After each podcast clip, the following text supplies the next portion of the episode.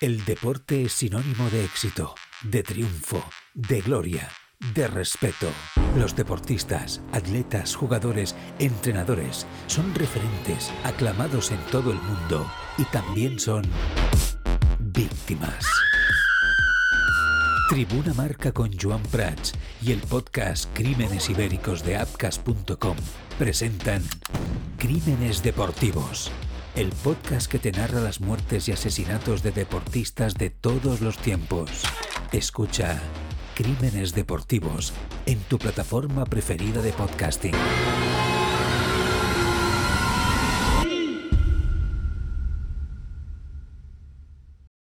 Tarda i benvinguts al Tribuna, un programa que fem damunt d'una bicicleta mentre xutem una pilota per marcar gol, avançant a la corba a 230 km per hora, amb la mà dreta llançant un tir triple, amb l'esquerra esmaixant amb la raqueta, i tot mentre nedem als 200 metres papallona.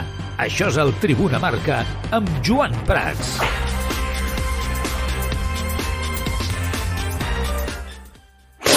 Què tal, com esteu? Molt bona tarda. Benvinguts un dia més al Tribuna Marca. Retrobrament entre Lewandowski i Gil Manzano en els quarts de final de la Copa del Rei. Sorpresa en la designació de la Federació Espanyola de Futbol pels partits dels quarts de final d'aquesta Copa del Rei. L'àrbitre, segurament que ningú volia, de l'eliminatòria entre el Barça i la Reial Societat del Camp Nou serà, com dic, Gil Manzano, el col·legiat que va expulsar Lewandowski en el partit de Lliga contra Osasuna. Es retrobarà amb ell quan el polonès encara no ha complert els tres partits de sanció que li van imposar. Un Lewandowski que va ser sancionat en tres partits per la vermella vista de Pamplona, com que sabeu tots, i el seu gest eh, posterior, molt criticat a Can Barça, aquesta decisió, i en aquell partit recordeu que Gil Manzano també va expulsar Gerard Piqué per eh, uns greus insults en el seu moment. Bé, doncs amb tota aquesta situació, avui ha sortit la Federació Espanyola de Futbol i ha decidit que Gil Manzano es torni a retrobar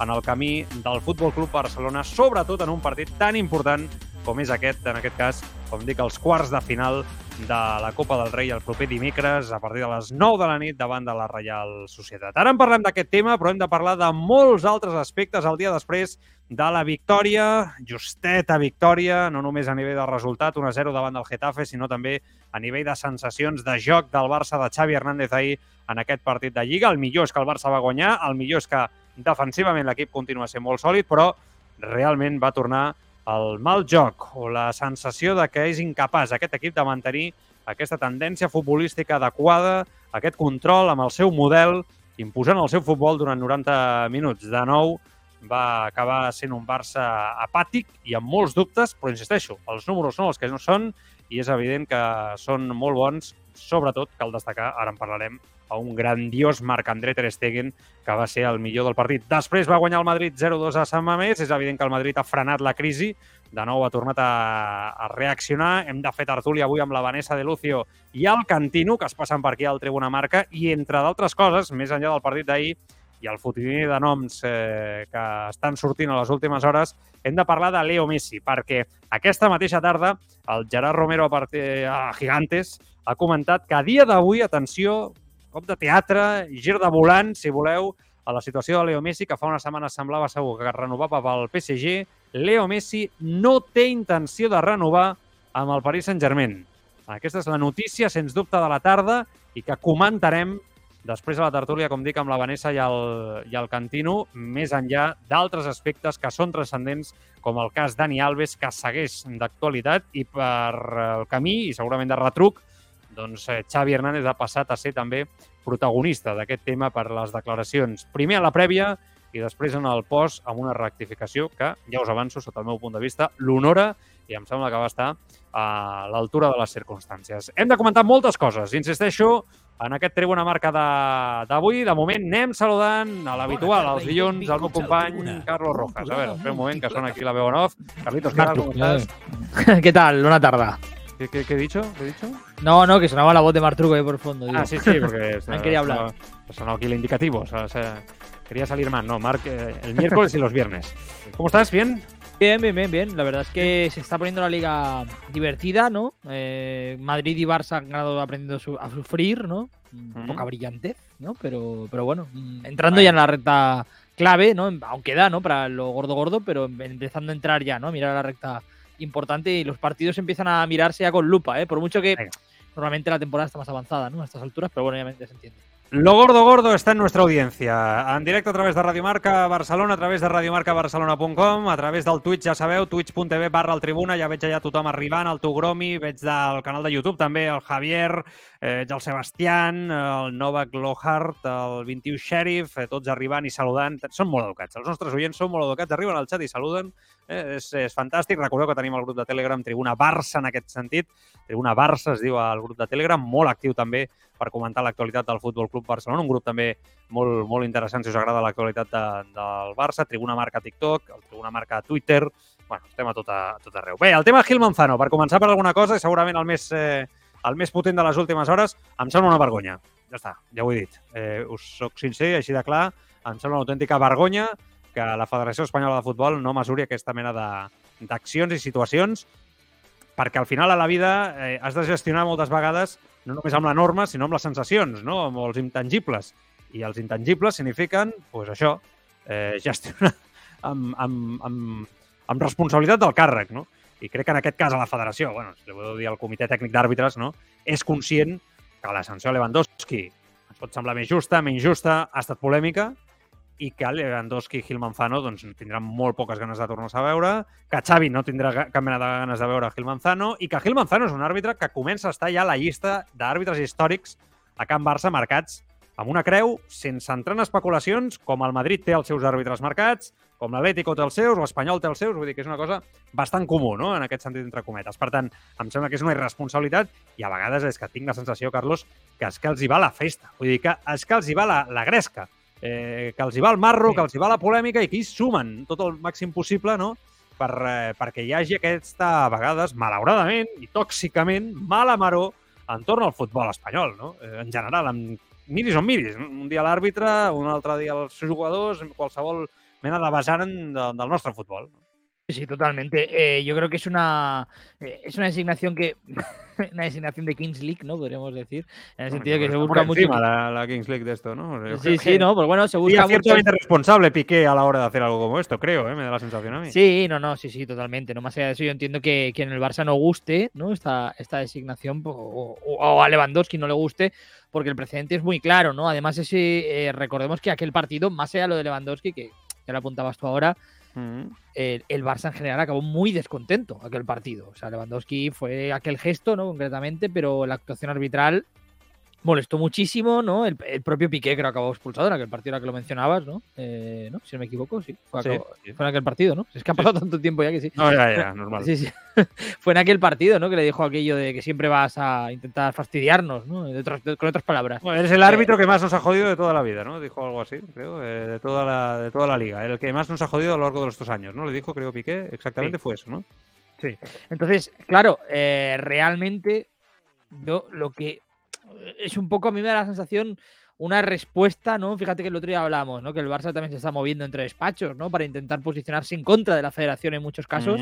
Y mm, pensando mal, ¿no? Y muchas veces pensando mal se acierta, Joan. Eh, puedes decir que a lo mejor es la, ¿no? Desde la federación. Tú lo tomas como una provocación. Pues puede ser, puede ser. No sé si es una provocación, pero una respuesta es decir, pues vas a ir listo ahora, ¿no? Tanto que, pues que me estás poniendo contra la espada de la pared, me estás llevando todo a la justicia ordinaria, pues toma Gil Manzano. Sí lo, sí, lo que pasa es que la, la, la, teoría, que no quiero decir que sea así, porque este, esto del fútbol español es, esto es una guerra de un juego de tronos, ¿no? Es Dallas, esta serie antigua, ¿no? Que tú ni la viste, yo, yo, yo tampoco la vi, pero me han explicado, ¿no? Que era una serie de marrón familiar aquí. Hostia, lo que dice la teoría es que ahora mismo Barça, Madrid, Federación van de la mano contra la Liga, ¿no?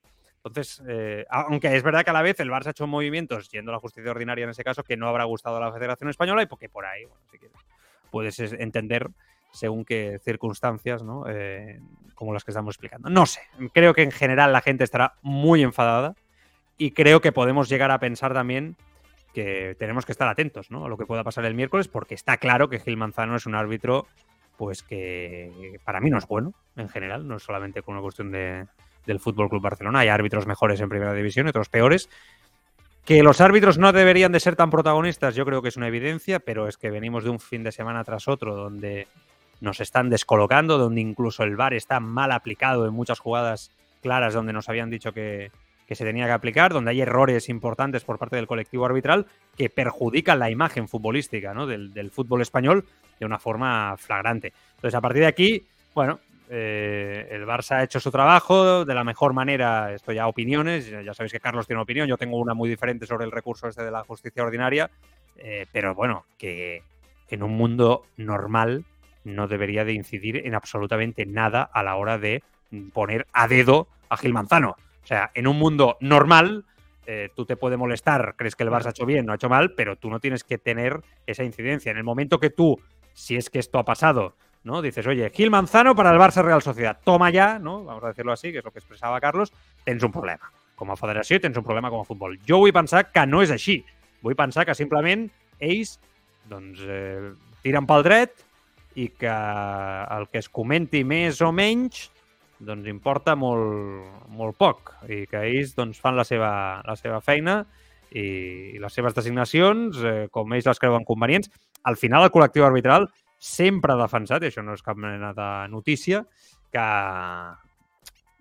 Gil Manzano va fer una bona feina aquell dia, que va xiular molt bé aquell partit i, bueno, pues, pues claro, si te agarras a eso no hay, no hay debate al, al, respecto. Estamos saliendo bien en todas las plataformas sin problema, ¿eh? es que me están diciendo que YouTube, Twitch, tal, todo, todo correcto, ¿eh, Carlos? Oh, aquí me sale todo ok. Vale, vale, mira, mi, mirem de, Ara comprovar-ho, ara comprovem eh, en aquest sentit perquè no hi hagi cap mena de, de problema. Bueno, el tema tampoc s'estira massa més i, i, i no, no hi ha massa, massa més a, a comentar.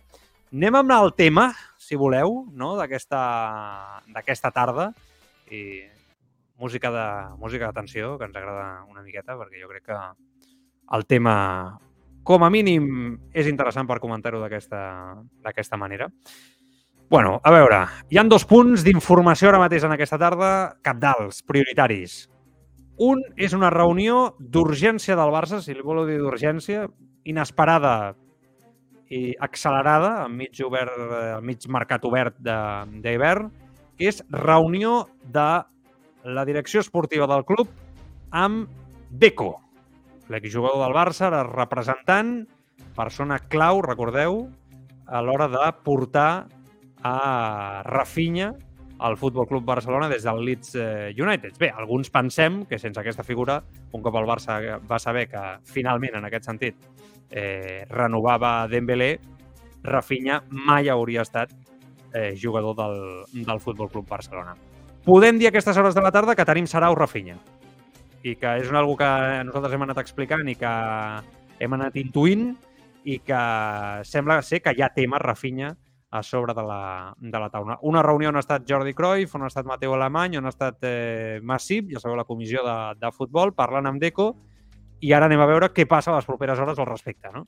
Eh, si és que Deco està presentant oferta formal d'algun equip al Barça, o és que el Barça li diu a Deco que, mmm, veient el que juga, les expectatives amb les quals va arribar, el jugador dubto també que estigui content, les necessitats econòmiques del club, Ara mateix el Barça li diu a Deco, escolta, si tens una oferta, si qualsevol dels oferiments que puguin arribar per part del jugador, ho, ho acceptaríem. Miraríem de recuperar aquests 65 milions d'euros que el Barça, doncs, en el seu moment va invertir, es pot dir així, invertir en aquest, eh, en aquest jugador. Per tant, bueno, anem a veure en què acaba, però, insisteixo, mm, a dia, quin dia estem avui? 23 de gener, el Barça està parlant amb el representant de Rafinha i el mercat d'hivern està.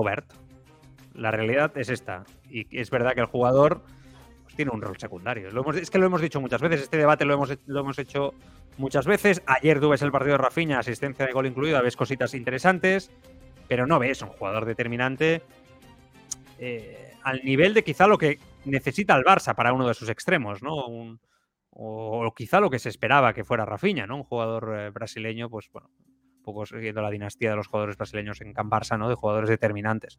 Eh, y son mucho, es mucho dinero y el riesgo de que este jugador se encalle y su valor de mercado baje, yo creo que es muy grande y en el club hay cierto miedo a ello, ¿no?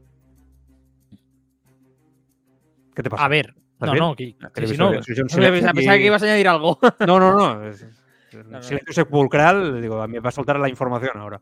No, no, no, porque cuando- no sabías entrar o no. Bien, Eh, tensión, a, tensión. a ver, yo creo, sinceramente, partidos como, como, el, como el que juega Rafinha ayer, ¿no? O sea, partidos que, desde el punto de vista de rendimiento individual, más puramente individual, ayudan a que un jugador como Rafinha, que yo creo que es su principal problema en el Barça, lo digo de verdad, ¿eh? ahora mismo, ahora mismo, es su mente, ayudan a que coja, a que coja un poco de aire. Porque yo creo que es un futbolista que futbolísticamente, para la redundancia, eh, se adaptó bien al principio en el fútbol del Barça. O sea, yo, yo creo que es un jugador que podría, o sea, no, podría, no será nunca una estrella, ¿no? Nunca será una estrella, eh, pero sí creo, creo que es un jugador, un rol, podría tener un rol de María ¿no? en el Barça, en, el Madrid en su momento, ¿no? Y creo que eso es un, un, perfil muy interesante. Seguramente si el Barça estuviera también en otro momento, ¿no? Económicamente, pues te permitirías el lujo de darle más tiempo a, a Rafinha y de no, de no apostar tan, tan fuerte por él, ¿no? Eh, en cuanto a, en cuanto a galones, ¿no? Pero está claro que, es un futbolista que aporta y que su principal problema es la confianza. Ahora bien, si la situación es, ¿no? De saber de moverse, de que el jugador tiene mercado, como comentas, ¿no? Que, la gente también, pues, se recibe llamadas constantemente y demás, eh, está claro que tiene que. Para mí, el Barça ahora mismo está en un momento en el que, salvo contadas excepciones, por desgracia, por suerte por desgracia, yo creo que más por desgracia, eh, tiene que pesar más el interés económico, el interés de cuadrar cuentas y más si tú quieres hacer refuerzos nuevos y revolucionar algunas parcelas del campo la próxima temporada, el próximo se, se, dirige con cierto miedo ¿no? en las apuestas, yo creo que es sobre todo, ¿no? Eh, porque si sale mal Rafiña, eh, la inversión hecha, si te sale como Ferran Torres y dentro de un año, ¿no? Estamos con Rafinha, igual que con Ferran Torres, que son casos diferentes, y para mí Rafinha parece que es un jugador un poco más hecho, ¿eh? bastante más hecho en este caso que Ferran Torres. Eh, el riesgo para la entidad es enorme, ¿no? Y, es verdad que este año te vas a tener que encontrar otra vez con una situación donde vas a tener que cerrar los números en positivo. Yo creo que esto es, una obviedad y el presupuesto se tiene que cerrar el 30 de junio en, positivo porque además esta junta directiva lo, lo necesita, ¿no? Entonces, bueno, yo creo que son ciertamente una serie de factores que hacen que el, bueno, pues se gestione el club de esta manera. Ahora tengamos claro una situación. Xavi dice, no quiero que mm, toquéis nada, lo dice públicamente. Mateo Lamañ, el discurso oficial es, no, vamos a intentar no tocar nada. Pero bueno, por detrás, entre bambalinas, se mueven cosas, es evidente, ¿no? Reuniones con representantes de futbolistas, con situaciones. Sabemos que el Arsenal va detrás de este, este futbolista desde hace mucho tiempo, que se lo quitó el Barça al Arsenal este verano, que Arteta va loco, ¿no? Por tener a Rafinha en su, en su plantilla. Bueno, eh, yo creo que sería una pena, sinceramente. Yo ahora mismo eh, entiendo a las circunstancias del club y la entidad, pero en un Barça que va lanzado, porque más allá de la, de la situación en Champions, es un equipo que va bien. Pues, futbolísticamente le queda mucho, ¿eh? Y ahora, y ara analitzarem si voleu el partit d'ahir i estarem hores, si fa falta, parlant de, de tot el que cal millorar. Però els números, ostres, Xavi li ha donat la volta com un mitjó a això i la sensació és que l'equip va amb una clara direcció cap endavant. Què vol dir això? Home, doncs que estàs construint alguna cosa i has frenat l'impacte no, de caiguda absoluta que, que, que duies. Has aconseguit fer esforços econòmics al mercat, mm, alguns d'ells per Rafinha, no? Mm, amb les palanques, eh, pots estar més o menys d'acord, però el club ho ha aconseguit fer. Home, doncs a mitja temporada, si finalment ara, pel que sigui, no? aquesta reunió amb Deco significa que Deco arriba amb una oferta no? i el Barça accepta una oferta, no sé, dient de l'Arsenal perquè és l'equip que més sona, però jo no descartaria que el Chelsea es fiqués pel mig tal com bueno. està el Chelsea al mercat. ¿eh? No, no, sí, claro, sí. es que... Es que por todo, por todo claro, claro, bueno, por, por, eso te lo digo, ¿no?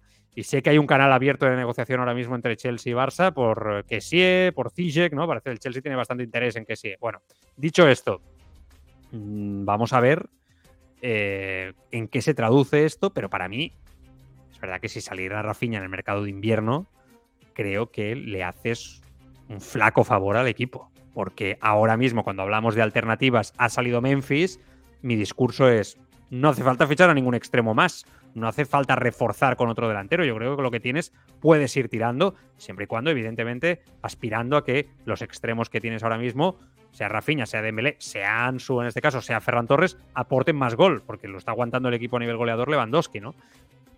Pero mi discurso cambiaría radicalmente. Si se va Rafinha, tú vas a necesitar algo. Eh, estás eh, devaluando el producto, estás devaluando la plantilla.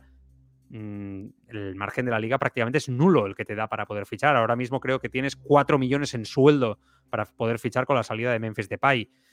Mm, no creo que haya ahora mismo extremos en Europa que puedan venir y encajar como un guante en la plantilla del Fútbol Club Barcelona y mejorar a Rafinha. Que sí, que evidentemente todos podemos empezar a soltar nombres que son mejores jugadores que Rafinha. Claro, eso es jugar al fútbol ficción. ¿Pueden salir de sus clubes? No. Eh, ¿Necesitarán tiempo de acople para el Fútbol Club Barcelona? Sí.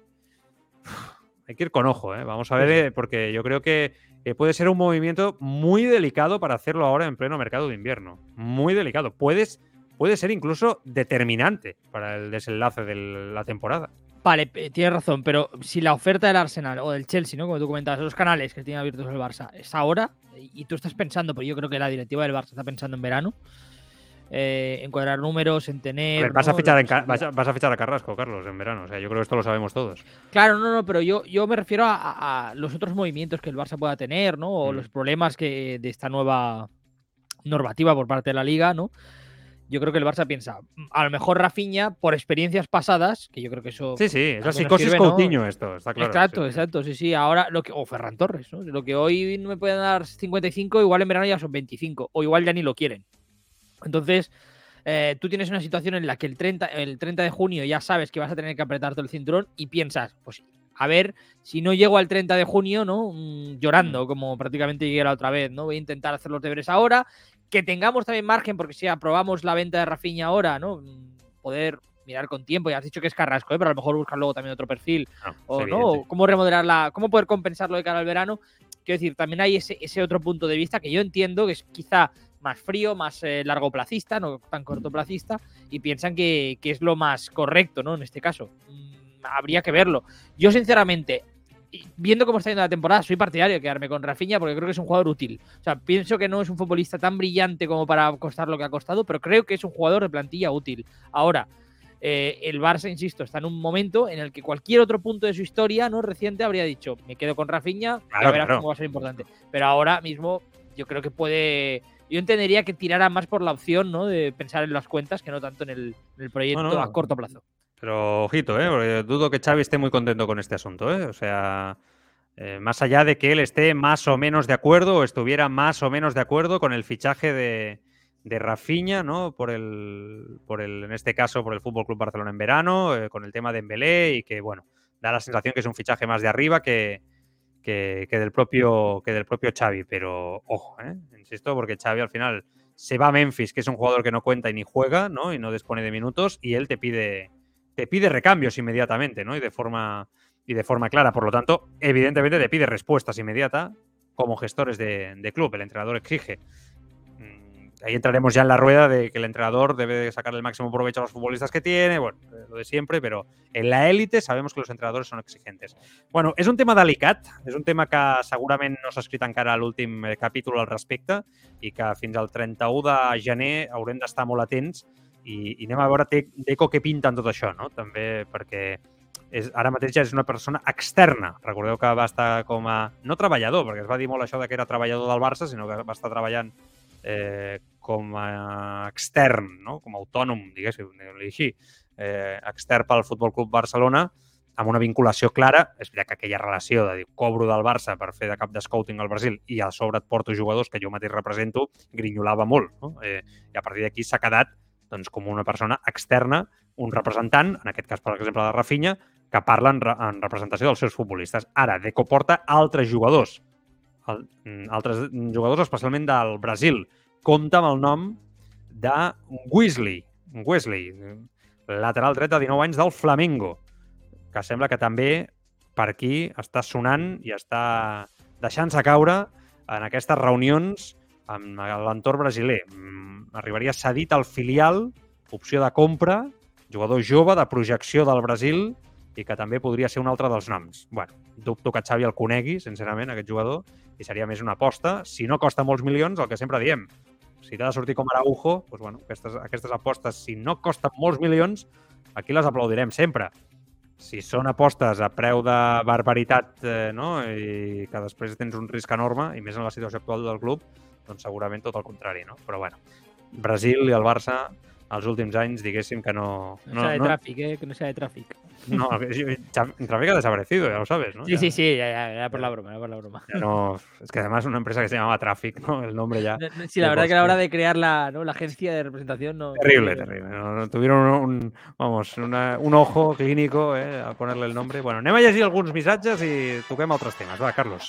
Sí, algunos mensajes, por ejemplo, Sebastián Pacheco decía, los escuchos de Duitama, eh, ¿quieren, ¿quieren ser mis amigos? Nos, nos preguntaba Sebastián Pacheco. Sí, Encantados, ¿no? Eh, bueno. de ser sus amigos. Eh, Gaspar PC decía, jo només entendria aquest moviment si el Barça té l'opció preferencial per en Carrasco des d'ara, si no perds en Memphis i ara en Rafinha. Fas una plantilla massa curta y molt més débil. Del tema anterior con el que hemos iniciado el programa, tu me apuntaba un comentario de, en dos mensajes. Eh, en eso tiene razón Carlos, en todo recurso tanta queja lo pagas, el tema de, de la designación arbitral. Ya nos tenía manía pero esas cosas se han multiplicado. Luego le respondía Gaspar al mensaje de antes y le decía, Depende si apuestas más por jugar con cuatro centrocampistas. Y aquí decía Gaspar, si apuestas por eso, que podría ser, tienes que fichar algún centrocampista más porque te fuerzas a jugar con cuatro cada partido. Además, Xavi ha dicho que contra equipos que se encierran quiere extremos abiertos, tanto por dentro como por fuera en el regate. Me parece todo muy contradictorio, apuntaba. Y le respondía a tu grupo, pues a Xavi le gusta más el partido de ayer que el del Madrid, tenemos un problema y gordo. Ah, no crec, no crec, no crec pas. Eh, ni molt menys. Ara, ara parlem del partit, si voleu, i acabem d'extreure alguna, alguna conclusió al respecte, però no, no ho crec que pas. Eh... Tema Leo Messi, sí, ya sé que da un poco de palo, ¿verdad? Y, creo que entra, entra mal, pero, pero bueno, ahí está, ¿no? Es nuestra responsabilidad también ir informando sobre lo que, lo que sale. El propio Gigantes ha dicho esta tarde que a día de hoy, 23 de enero, Leo Messi no tiene intención de renovar con el PSG, que al Mundial li va fer canviar d'opinió i que això no vol dir que al Barça, però que en contra del que s'havia dit, Messi ha decidit que a dia d'avui no renovaria pel, pel PSG. Jo no tinc molt d'esma per ara fer-vos una anàlisi eh, amb aquest tema perquè crec que, que només fem, ens fem trampas al solitario, ¿no? Yo creo que nos hacemos trampas al solitario con este tema, porque el barcelonismo en sí, ¿no, Carlos? Yo creo que esto está muerto. Yo creo que ahora mismo la distancia entre la Porta Messi es abismal. Y, y, creo que si esto es verdad, que no tengo por qué dudarlo, eh, evidentemente, pues eh, intuyo o quiero pensar que, que tiene mucho que ver con que, bueno, simplemente Messi pues habrá tomado otra decisión o dudará con otra decisión, pero no creo que esté dudando entre PSG y Barça. O sea, estará hablando o estará dudando entre PSG y Miami o PSG y City. Pero ahora mismo mi sensación ¿eh? es que no, no hay una, línea abierta entre Barça y, y, Messi, entre otras cosas porque el Barça no lo puede pagar y entre otras cosas porque tampoco me da la sensación de que la relación entre Laporta y Leo Messi sea especialmente eh, buena, añadiendo de que el entorno de Leo Messi niega que Laporta haya hablado con él, cosa que Laporta dice que sí que habla con Messi. Es un poco contradictorio también. Alguien miente, sí, está claro. Alguno de los dos está mintiendo. Y es cierto que, si me pregunto quién, veo más interés por parte del presidente Laporta de acercarse al nombre de Messi por una cuestión de popularidad ¿no? y de situación y de cómo salió el ídolo, ¿no? en este caso Leo Messi, que por parte de Messi, que es campeón del mundo, juega en el PSG, tiene una Champions por delante, tiene prácticamente su futuro en las manos, ¿no? Porque yo creo que puede ir donde él le dé la gana como club. Bueno, pues hay, que ver también. Yo creo que cada uno tiene que intuir la, situación. No sé, yo, yo sinceramente creo que la etapa acabó y hay que aceptarlo. ¿Pero crees que la puerta está en ese punto? Porque yo creo que no. No, no, no. Es, que ahora, que comentaste el tema de no, puede ser que esté pensando en Miami y demás.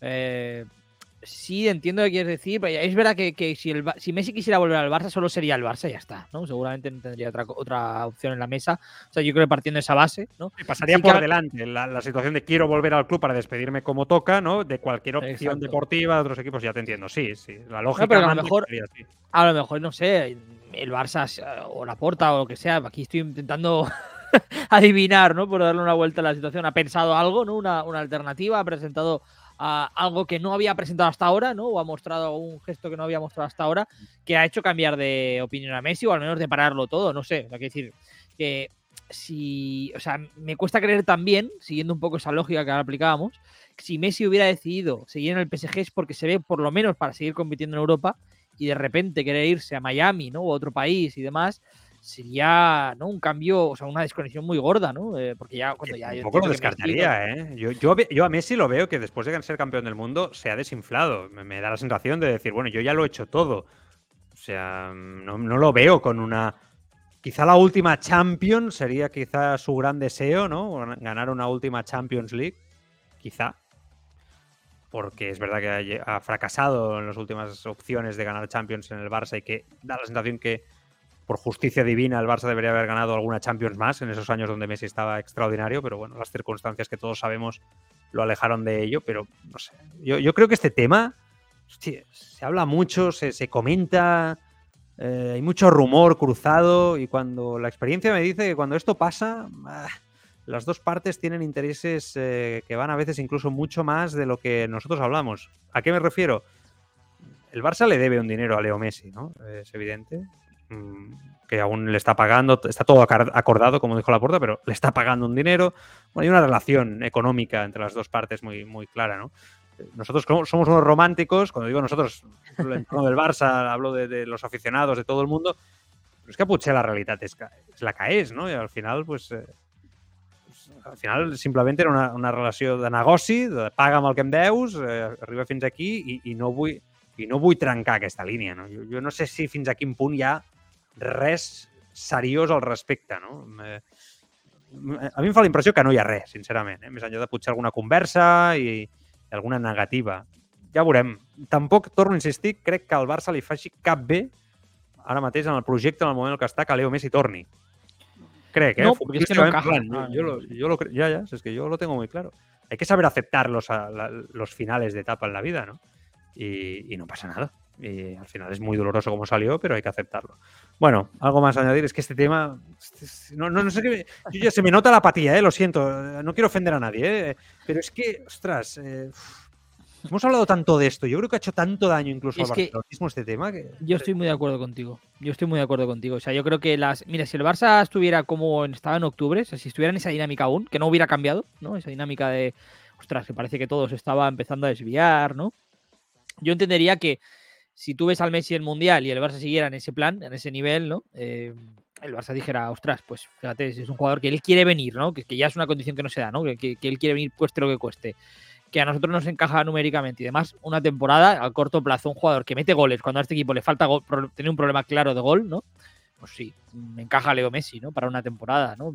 Firmas una dos temporadas, dos temporadas por cortesía, ¿no? Pues rara vez se firma un año, eh, pero le das ese año. Pero ahora mismo el Barça seguramente está, está otra cosa, ¿no? Es decir, el proyecto ha crecido, es, se ha demostrado que aquello fue un altibajo, ¿no? Y no fue una caída del proyecto de Xavi y, está otra cosa. Yo creo que, el equipo tiene que empezar a construirse en torno a otras cosas. Y más allá del rumor, y que yo creo que la aporta le hace una ilusión enorme, y al propio Xavi, ¿no? No nos engañemos, si le ofrecen la posibilidad no diría que no. ¿Estás seguro? Sí, es, que yo, creo que voy por ahí, voy por ahí, voy por ahí. eso lo he pensado mucho. ¿A Xavi realmente le interesa ahora mismo en su proyecto, con una plantilla joven construyendo, con que se está dejando el pobre la vida por generar los automatismos, con tanto, una plantilla nueva prácticamente? ¿Le interesa como entrenador meter a Messi aquí en este elemento, más allá de que lo conoce, que lo admira, que es amigo suyo? Tengo dudas. Mucho que todo el mundo diga que sí. Tengo dudas. Hmm. Eh, yo respecto a lo que a lo que te decía, al final yo creo que sí que le hace ilusión, pero si te fijas, que es un poco por donde iba, ¿no? Eh, el debate que estamos teniendo cada semana prácticamente es el Barça, lo de los extremos, cómo conseguir conectar arriba, ¿no? A los a los delanteros, ¿no? El, proyecto de Xavi si los extremos abiertos funcionan, es decir, las dudas que hay en, la Secretaría Deportiva, en la dirección deportiva del club, no pasan nunca. Nunca sale el nombre de Messi. Lo de Messi es, bueno, pues un poco amor platónico, ¿no? Entre comillas, a ver si se da o no se da. Pero realmente no hay un interés deportivo de encajar a Messi. y Decir, mira, pues si viniera Messi, nos podría servir que jugaran a este lado, podríamos redistribuir el sistema de esta forma, sería una solución táctica. No, al final lo de Messi, si te fijas, cuando suena es encajarlo, ¿no? encajar el nombre en el proyecto actual, pero no como solución, no como respuesta. Y eso es bastante llamativo. O sea, Xavi no, se lo está planteando nunca de esa manera. Bueno, vamos a ver qué pasa, ya veurem què passa, perquè realment aquest tema és un tema una mica delicat, és un tema eh, eh, cansino, ¿vale? Decirlo para un tema con Leo Messi. No es que me sabe mal juntar esa palabra con Messi y lo que representa para el barcelonismo me sabe mal, pero es que a mí personalmente me agota eh, y, y, creo que nos aleja. Eh, en parte, si quieres llamarle así, también un poquito del, del, del camino. Anem a parlar una mica del partit d'ahir, que ja crec que, jo crec que ja toca. Després, si voleu, també amb el Cantino avui i amb la Vanessa de Lucio en tertúlia ho acabem de comentar. Mal partit del Barça, jo crec que és eh, evident, el millor resultat, la fortalesa defensiva. Anem a escoltar Xavi ahir reconeixent en roda de premsa doncs que clarament el que vam veure tots, no? que l'equip no, no havia estat bé. Que no hemos estado bien, hemos estado espesos, no hemos atacado bien. Eh, eh, sí que hemos defendido bien, pero al final siempre es difícil también atacar a una línea defensiva con un bloque bajo, pero no hemos estado finos, no, no, hemos hecho un gran partido, ni mucho menos, y hay que mejorar. Pero bueno, nos llevamos una victoria importantísima, tres puntos que se quedan en casa, otra vez portería cero, que es importante, pero tenemos que mejorar, no es el, no es el mejor partido en casa por nuestra parte. No, no, no és el millor partit i, i és una constant que es repeteix. No? El Barça, per molt que després va tenir un partit excel·lent davant del, del Madrid i segurament eh, pot aconseguir, no? en molts trams de la temporada, tenir aquesta sensació de domini no? durant 90 minuts i, i generar partits eh, molt bons de futbol i amb aquestes sensacions, que jo crec que no és contradictòria, no? després de l'altre dia ho vam comentar després del Ceuta, de que l'equip s'està començant a fer, no? que tens la sensació que fins i tot jugant mals partits guanya, no? que a vegades els grans equips i els millors Barça de la història al llarg de la temporada també tenien partits així, doncs eh, ho necessiten, no? Al, al llarg de la Lliga guanyar aquests partits és, és vital per l'equip eh, campió i que el Barça de Xavi segueix tenint moltes coses bones, ara en parlarem, entre altres aspectes, la, la fortalesa defensiva, que és encomiable, amb un Ter Stegen impressionant, la defensa que funciona, vull dir, jo crec que ten, tenim les coses bones, però és veritat que aquest factor, ostres, segueix repetint-se. Sobretot en aquest 2023 jo crec que és una constant, no? Unes bones primeres parts, tampoc res extraordinari, però sí que veus un joc posicional més reconeixible, sí que, sí que veus també no? en, aquest, eh, en aquest sentit un, un, un Barça no? més còmode amb la pilota als peus, un model no? més reconeixible, i després, quan marquen el primer o fins i tot a vegades dos gols, especular. No? Eh, L'equip no tendeix a dominar els partits de la mateixa manera, hi ha molta precipitació, molta pèrdua de pilota, eh, es fa trampes al solitari a si mateix, i els altres, els rivals, guanyen metres fins a, una, fins a donar una sensació falsa, jo crec, falsa sensació, de que fins i tot són ells els que et dominen. No? Eh, es va veure amb l'Atlético de Madrid, que és un equip que no juga això i que a la segona meitat, sobretot a les acaballes, et va acabar embotellant. I ahir, fins i tot els últims 20 minuts al Getafe, el Getafe, eh, amb una línia de 5 al darrere, quatre homes pel davant i en punta, no? Eh, el cas d'Unal. Ostres, eh, fins i tot vam tornar a tenir aquesta sensació, no? I també és veritat que ahir, durant el transcurs del partit, doncs sí, el Barça amb defenses tan tancades com aquesta de Quique Sánchez Flores, amb moltes dificultats amb els extrems oberts per generar perill. I després, amb molta facilitat, agafaven a la contra que si no arriba a ser per Ter Stegen, el partit d'ahir palmes. O sigui, el partit d'ahir palmes, no? Eh, I jo crec que és més de mèrit del Barça que mèrit del Getafe, amb tots els respectes cap a l'equip de Quique Sánchez Flores, que l'única cosa que va fer per mi va ser emular altres partits on ja hem vist com fer-li mal a aquest, a aquest Barça. bueno, no hem d'extraure grans conclusions, més enllà de que segurament aquest no és el camí no crec que la gent estigués massa satisfeta de la imatge que va donar l'equip ahir. Ara bé, dit això, home, sí que em fa la sensació, ara escoltaré el Carlos, que seguim en una línia molt fineta, que ja el mes de març, abril, que és quan es decideixen les coses importants i quan es decideixen les garrofes, ostres, un equip que és tan feble a vegades, no?, en, en, en, en aquest punt, que és la, la, la, la deixar de dominar els partits d'aquesta manera o tenir la incapacitat per poder-te per poder fer fort mentalment, fins i tot també, a part de tàcticament, en molts casos al llarg de, dels 90 minuts, hòstia, em fa certa por. O sigui, crec que aquest Barça, si això no ho millora, jo crec que això, Xavi, que és molt més expert que jo, evidentment, és segur que ho ha detectat, ostres, estarà preocupat perquè veu que, bueno, podem anar traient les coses cap endavant, però en aquelles dues jornades, amb un Madrid que el tens a tres punts, que et jugues al moment clau, hosti, potser aquest Barça tan poc sòlid, ah, patapam, això pot arribar a costar la Lliga. I el mateix et pot passar a la Copa i a l'Europa League, que són les competicions que et queden, no? i estàs lluitant. És el que em fa por d'aquest Barça, que el veig inconsistent en el seu futbol, no? Sí, que hauria de ser la seva major virtut, d'altra banda.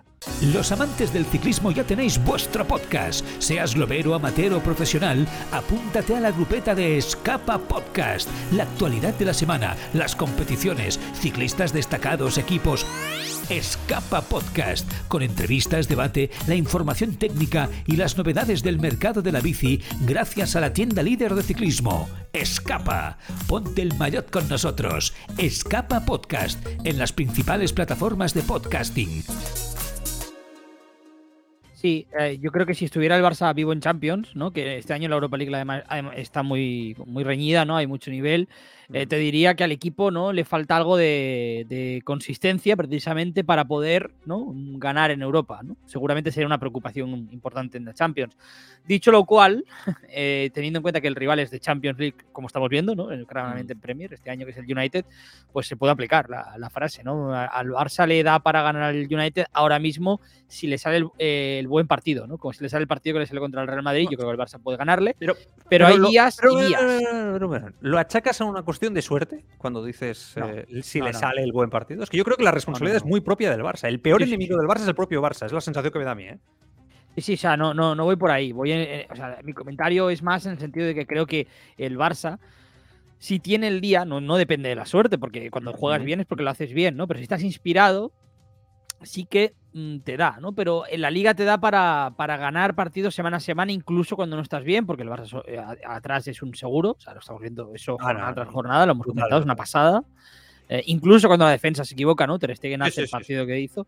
Eh, y arriba es precisamente lo, lo, contrario, ¿no? Centro del campo a, arriba le falta esa consistencia, ese estar jornada tras jornada, ese, ese aspecto que el Barça ha dominado tantos y tantos años en temporadas atrás y que no está.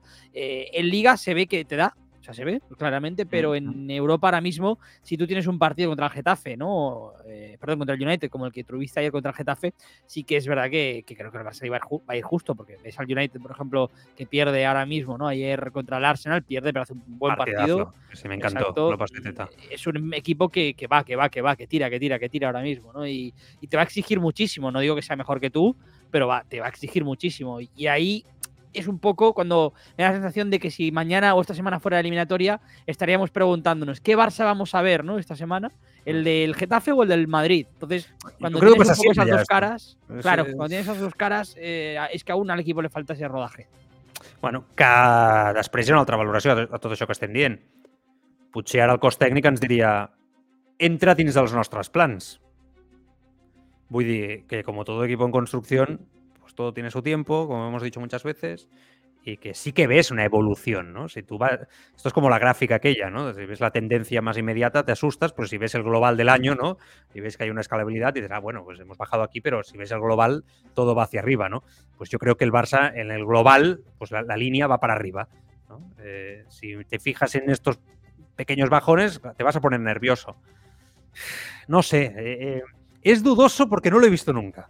O sea, nunca he visto un Barça que se construye en base a un juego dudoso o un juego eh, a partes, eh, a ratos. Poco efectivo, poco efectivo, ¿no? También. Poco fiel eh, muchas veces a lo que, a lo que, a lo que representa la idea más pura, ¿no? Entonces, quizás sí que estamos en una nueva etapa donde quizás este Barça se va a construir en base a esa solidez de, mm, defensiva con momentos de gran fútbol y, no a esos Barças, que es lo que yo creo que los mejores Barças de la historia siempre han sido así, que son esos equipos que se construyen en base al modelo y al apabullamiento futbolístico en base a su estilo, ¿no? Eh, fútbol posicional claro, creativo, vistoso, que, destroza al rival y que además tiene continuidad en las temporadas, ¿no? Eh, creando proyectos. Bueno, vamos a ver. Eh, a mí no me deja tranquilo, es verdad, pero también es verdad que entiendo que es pronto y que la línea, como digo, es, es ascendente. S'ha de comentar diferents aspectes del partit d'ahir també, que em semblen importants i transcendentals. És que és l'obvietat ja de que aquest equip està més còmode amb quatre migcampistes que amb tres davanters a dalt. Vull dir, eh, amb el fals extrem, no? digue-li com vulguis, amb, amb Gavi o fins i tot hi ha qui diu no? un 4-2-3-1, bueno, és igual, però que el tema de reforçar el mig del camp et dona identitat, et dona control i el Barça està molt més còmode i genera molt més perill, sobretot precisament davant de rivals que estan cantant com, a, com ahir el, el Getafe. Això ho dic una mica perquè sembla que l'obsessió una mica també de Xavi és, jo crec que per herència i per creència no? i per eh, futbol mamat, jugar amb els extrems, crec que se sent més còmode quan juga amb els dos extrems més oberts, en aquest cas eh, Rafinha i, i Dembélé, però crec que és evident que quan Rafinha i Dembélé coincideixen, l'equip genera molt menys i és pitjor equip ofensiu que al revés. jo crec que estem ja a unes altures de la temporada que, que es pot dir, no? que es pot dir d'una forma, forma clara.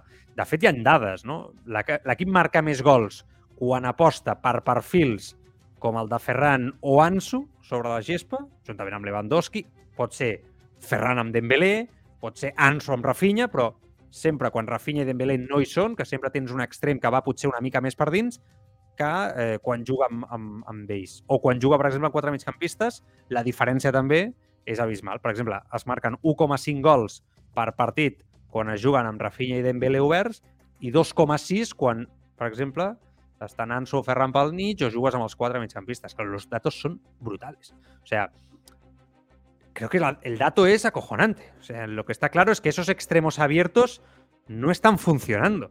Y, y, da la sensación que precisamente tienes a dos extremos Rafinha y Dembélé, sobre todo en el caso de Dembélé, pero creo que en el caso de Rafinha también un poquito. Y yo sigo teniendo la sensación que su mejor fútbol lo van a sacar jugando otra cosa de la que juega el Barça. O sea, creo que Xavi está entestado en utilizarlos y que precisamente ellos se sienten cómodos en un juego con mucho más al contraataque y cuando más han brillado es en un robo y a partir de ahí una jugada con espacios, pero en ataque posicional y en estático, yo sinceramente no, recuerdo una, dos jugadas donde hayan salido victoriosos de duelos y han sabido combinar en paredes, jugando entre líneas. O sea, ayer el gol de Rafinha, que por cierto la pone de maravilla, es eso, es una recuperación de Christensen, que maravilloso Christensen, por cierto, de primeras, que ya genera el espacio, ¿no? Y que a partir de ahí es una especie de contraataque. Y Dembélé cuando más genera también es con espacios arriba. O sea, son jugadores para jugar a otra cosa de lo que juega el Barça. Y bueno, yo me sorprende que Xavi esté entestado en, otro camino, ¿no?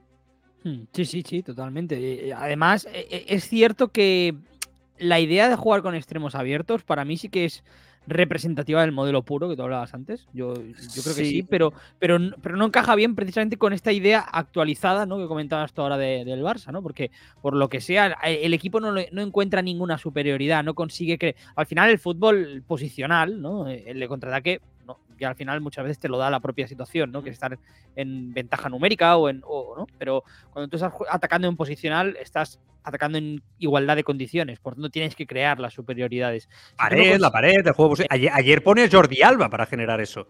Sí, Jordi Alba es un jugador muy dado para ese tipo de. Claro, pero por eso te digo que él ve que los extremos abiertos no le funcionan y quita a Valde y pone Jordi Alba para buscar esa triangulación entre ese juego entre líneas por dentro, para buscar precisamente ese juego más posicional. Tienes que optar por el, por el lateral suplente en este caso actualmente, ¿no? ¿Pero crees que es un problema de la idea o es un problema de los jugadores que ha elegido Xavi para ejecutar? Creo que es un, problema de, los jugadores que, escoge para ejecutar la idea. Yo creo que Dembélé y Rafinha no son los jugadores más ideales para ejecutar esa idea tan reconocible y con sus cosas, que no hace falta decirlas y que si queréis ahora hablaremos, Ferran y Ansu creo que lo ejecutan mejor. Y creo que se adaptan mejor a lo que pide el sistema ahora mismo. Y creo que aún más en el caso de los cuatro centrocampistas con ese falso extremo izquierdo que es Gaby haciendo como hacía Iniesta, ¿no? Creo que aún más, porque entonces el lateral izquierdo tiene mucho camino por recorrer y tienes el caso de Dembélé que, digamos que es el extremo más puro. Sin ser Dembélé una oda, creo que es el mejor de todos los delanteros. Y yo creo que Xavi en realidad se ha dado cuenta de que eh, eh, bueno, evidentemente creo que, los propios partidos. Eh, sí, yo creo que sí, porque si no, no estaríamos teniendo todo este baile de, extremos que estamos viendo, lo de Rafiña y demás, ¿no? O sea, yo creo que él al final se ha dado cuenta que a lo mejor, no sé, Rafiña no era el perfil que él creía, ¿no? O no le da al equipo lo que él pensaba que le podía dar, sobre todo en ese juego, a la hora de, ¿no? de crear mm. ese tipo de, superioridades.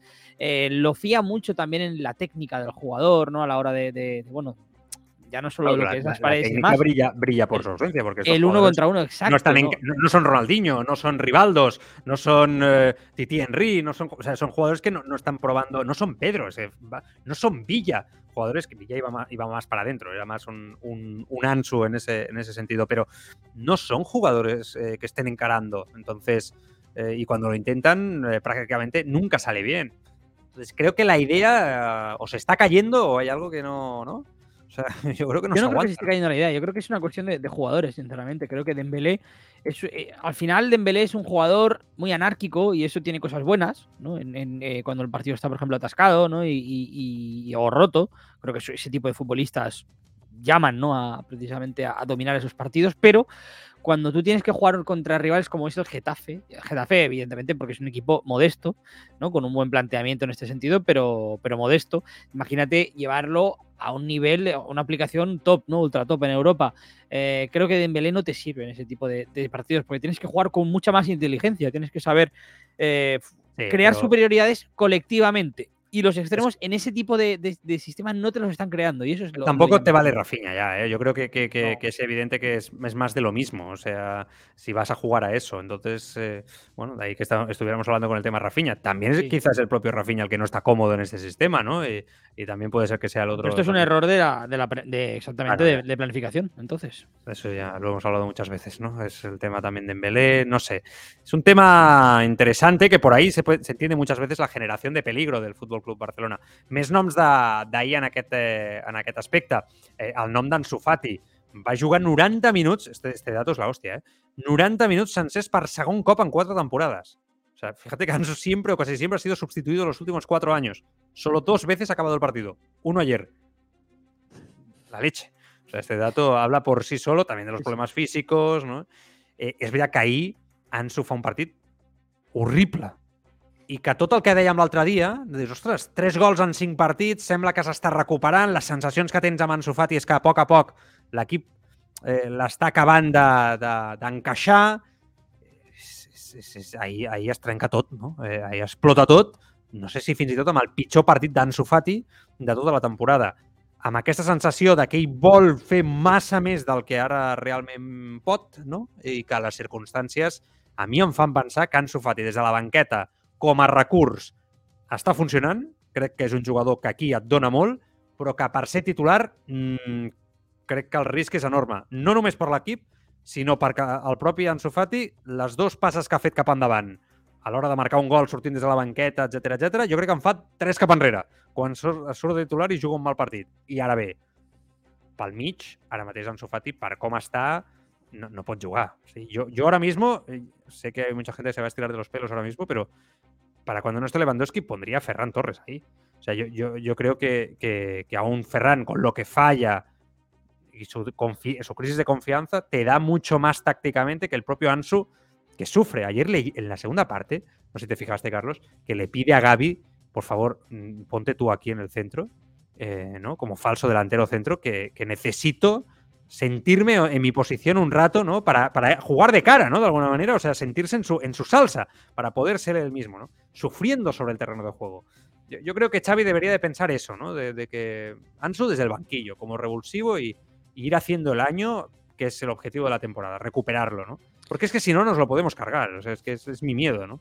Sí, pero yo entiendo, yo entiendo que Xavi, ¿no? Seguramente ha, ha, optado con él a hacer lo que hemos dicho, lo que hemos pedido muchas veces, ¿no? Aquí en el. Yo primero. Eh, un, un momento, un momento, un momento. Hi ha un oient amb un criteri molt bo, i, i de fet em sembla que és un comentari super encertat, que diu el Jorgs eh, barra baixa 05, que diu Ansu ahir va jugar per l'equip generant espais, no? Eh, auretant, entenc que interpretant bé en la pressió o apretant bé en la pressió, suposo que vol dir, el problema és que els extrems que tenim no en tenen eh, d'aprofitar espais interiors. Completament d'acord. Vull dir, en això és el que dèiem abans, no?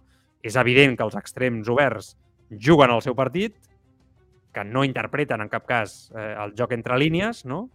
Eh, ells obren el camp i juguen el seu futbol i que després tens un Ansu que fa el que jo crec que Ferran Torres fa molt bé en aquesta posició, que és precisament eh, obrir molts espais, no? Però clar, Ansu ahir fa una pressió, genera molt d'espai, es desespera, però després jo... Tot això és, és, és jo estic molt d'acord amb el que diu l'Ullent, però després hi ha una sensació de, de l'Ansu amb la pilota als peus. L'Ansu que descarrega encara, però l'Ansu que ha de generar és un Ansu dubitatiu, dubtós, és un Ansu que fins i tot pateix amb la pilota als peus en aquesta posició. Aquest, aquest discurs meu va més relacionat amb l'Ansu en pilota, no? Que la feina que fa sense, sense ella. Carlos, perdona, pero me parecía un comentario interesante. Sí, no, eh, mm, básicamente decir que, que, a mí realmente lo que es el fútbol de Ansu Fati, yo creo que necesita esa confianza, necesita ser titular, necesita tener minutos, ¿no? Eh, yo entiendo que Xavi está haciendo esa apuesta, ¿no? Darle esos balones, pero claro, es verdad que no acabar los partidos, ¿no? De que no pueda estar, ¿no? A, titularísimo sentirse de esa forma, pues puede mirar la confianza y más si además te van saliendo de vez en cuando malos partidos, que no, que no creo que sea el caso, no creo que Ansu Fati esté jugando tan tan mal. Bueno, no, mal, salido desde el banquillo a mí ya me vale ¿eh? lo que está haciendo. Claro, el problema es, el problema es que yo creo que, que es un futbolista que todos no lo imaginamos de otra forma. Yo creo que Ansu Fati, incluso a día de hoy, a 23 de enero, creo que él piensa que puede llegar a ser la, por, condiciones, al menos previas a su lesión, estaba claro que podía llegar a ser la estrella del Barça algún día, ¿no?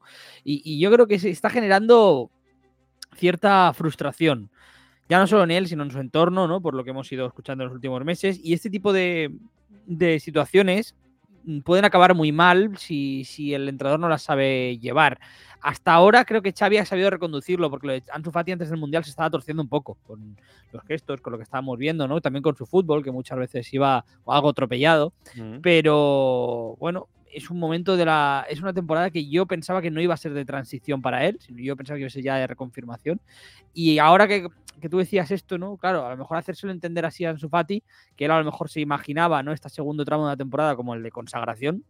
Eh, debe ser complicado, porque es un futbolista que ya hemos visto que es muy ambicioso, ¿no? Y, no debe estar siendo fácil para Xavi llevar este asunto, porque si fuera tan comprensivo, entre comillas, Ansu Fati como, como nos imaginamos en este escenario ideal, yo creo que no estaríamos viendo esta sensación de impotencia, frustración, porque no sé si a ti te lo transmite también, pero a mí muchas veces, cuando él está bien, cuando él se siente bien, brilla y, va a otra velocidad, pero cuando no, rápidamente aparece esta fobia por parte de él.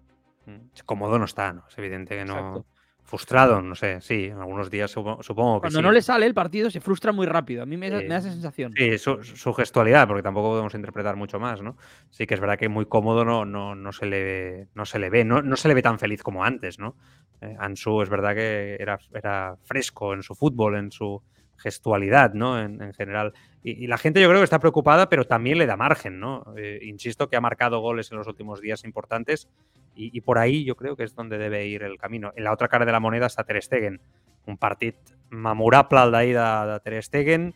Eh, el nom del partit, l'home del partit, l'MVP per la Lliga va ser Busquets. No, no me preguntéis per què, no em pregunteu per què, perquè no ho acabo d'entendre, eh, perquè a més jo crec que Busquets ahí, especialment amb les perdes de pilota, no va estar un cop més eh, massa, massa encertat. Yo creo, que tiene una explicación, si te fijas. Ah, sí, sí. Pues, el ¿Qué partido? Dos copitas de más, dos copitas de más, ¿no? ¿Cuál fue la explicación? Bueno, pues no sé, ¿no? A lo mejor es que también por los partidos, ¿no? Por, por hace nada la efeméride de, de Busquets. Ah, los 700 partidos del homenaje de premio. Claro, es muy fácil decir, bueno, pues vamos a ver, quedamos bien y ya está. Vale, vale. Bueno, no. Ter Stegen va ser impressionant el que va fer. Va salvar el Barça sense cap mena de dubte.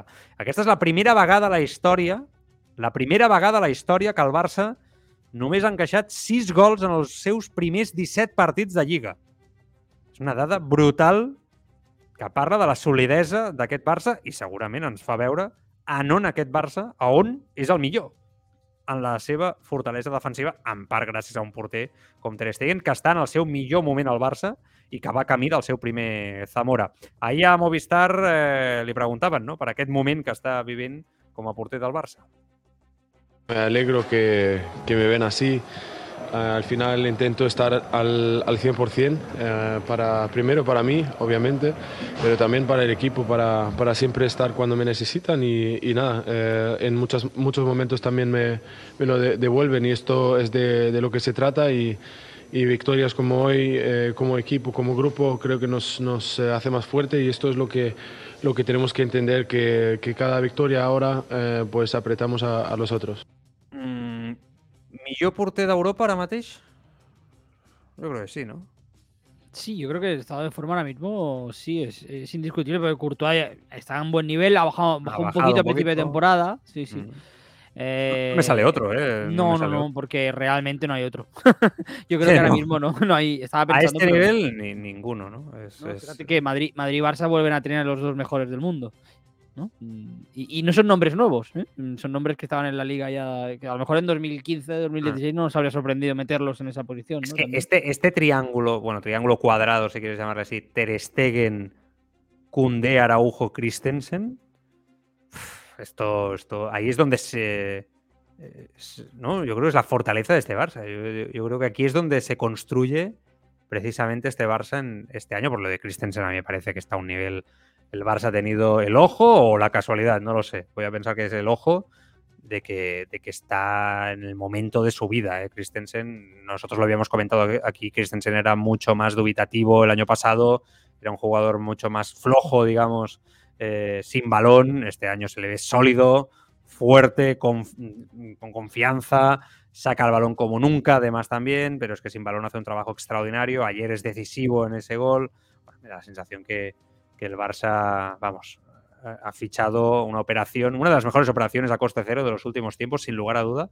Cundé está a un nivel muy alto, Araujo no hace falta decirlo, aunque esos problemas físicos vamos a ver cómo lo, cómo lo, gestiona, pero este cuadrado, Carlos, yo, creo que pocos equipos en Europa tienen portero y tres defensas a un nivel tan alto, que podríamos añadir a Valde, que hay algún oyente por aquí también que lo apunta en el chat, que bueno, es otra noticia maravillosa para mí, quizás sin ese punto de excelencia ¿no? al, que está en el resto, pero vamos, no sé. Es que yo, yo sinceramente creo que es el equipo más sólido de Europa, pero ya no por números, sino es que también por, por sensaciones defensivamente. Me, me como media Premier, eh, parte de la Serie A, intento ver al PSG. Es que no hay nada mejor que, que el Barça defensivamente. Es que no, no lo hay.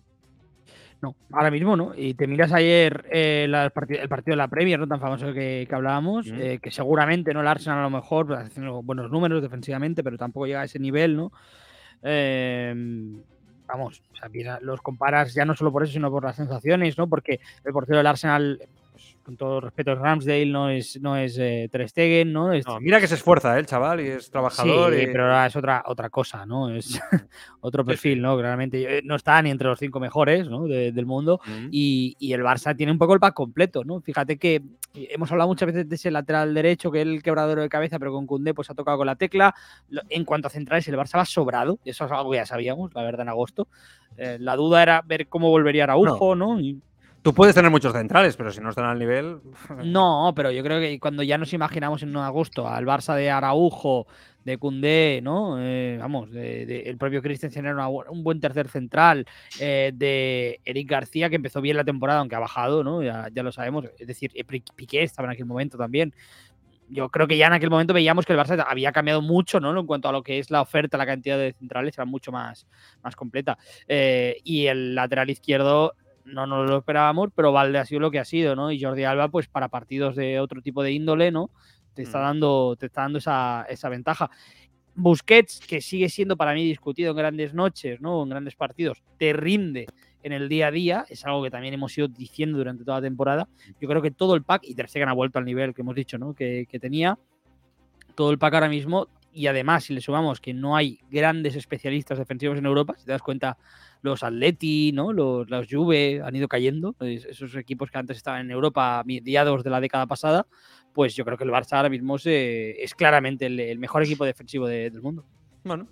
¿Qué, Vanessa? ¿Cómo estás? Vanessa de Lucio, muy buenas. Buenas, ¿qué tal? Mucho frío, ¿cómo está la cosa? Aquí andamos.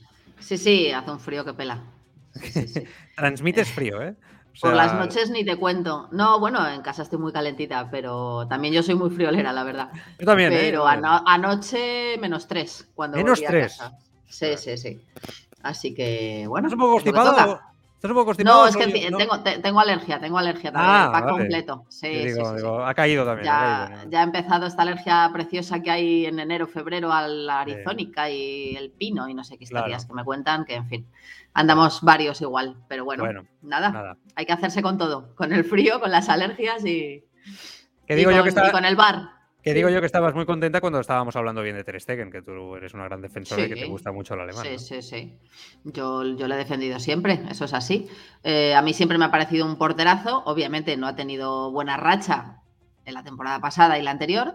Creo que también muy ligado a esa operación que tuvo en la rodilla y a su recuperación. Mm.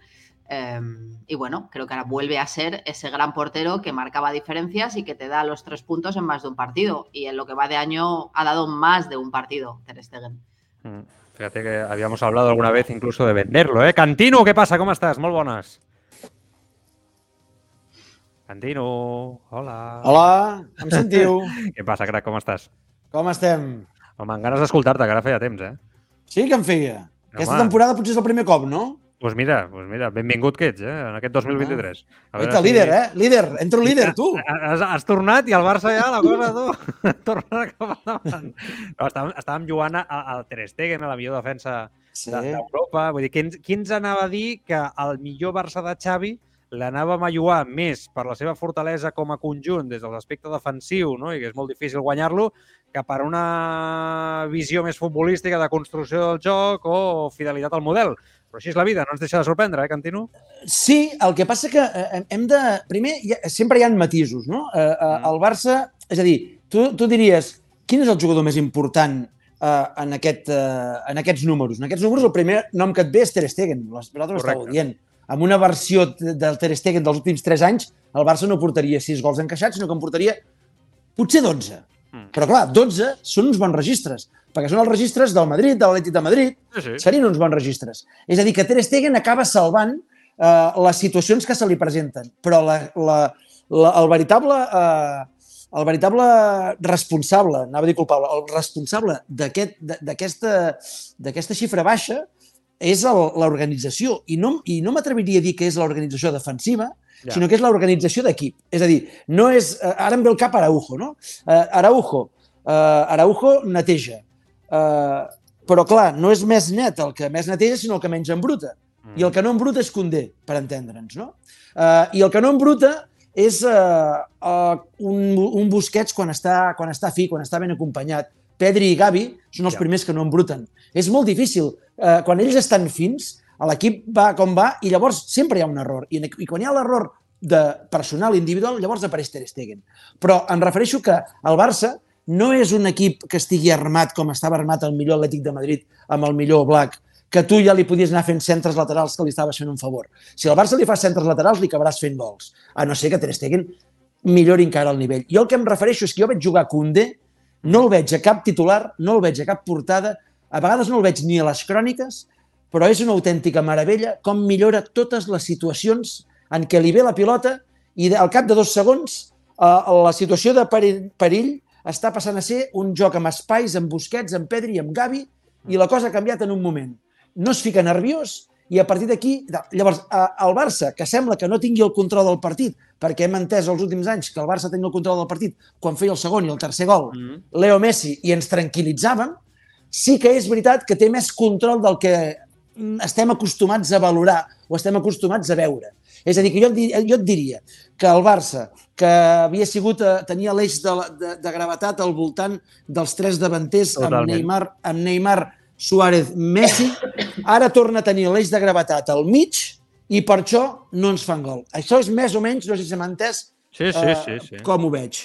És molt interessant, eh, això que, que, i a més, com ho has, eh, com ho has argumentat, no és senzill, eh, seguir-te, perquè jo crec que és una valoració d'un nivell alt, no? A, a, a nivell futbolístic. No, no, t'ho dic de veritat, t'ho dic de veritat, perquè a vegades si ens quedem, no? Si, Vanessa, si nos quedamos con la simpleza, puedes decir, joder, al Barça se, se desordena el partido, se descontrola el juego, muchas veces, pero es cierto a la vez que esos números defensivos están ahí, esa fortaleza está ahí y que puede venir mucho por lo que decía eh, eh, Cantino. Sí que és veritat alhora, Cantino, Vanessa, que jo em trobo més a gust amb un Barça ¿no? que controla desde el centro del campo, desde una posesión larga, desde que sufre un poquito menos. Me han educado. Però això arribarà, eh? Això arribarà, oh, crec. Jo també crec que arribarà, però de moment no arriba.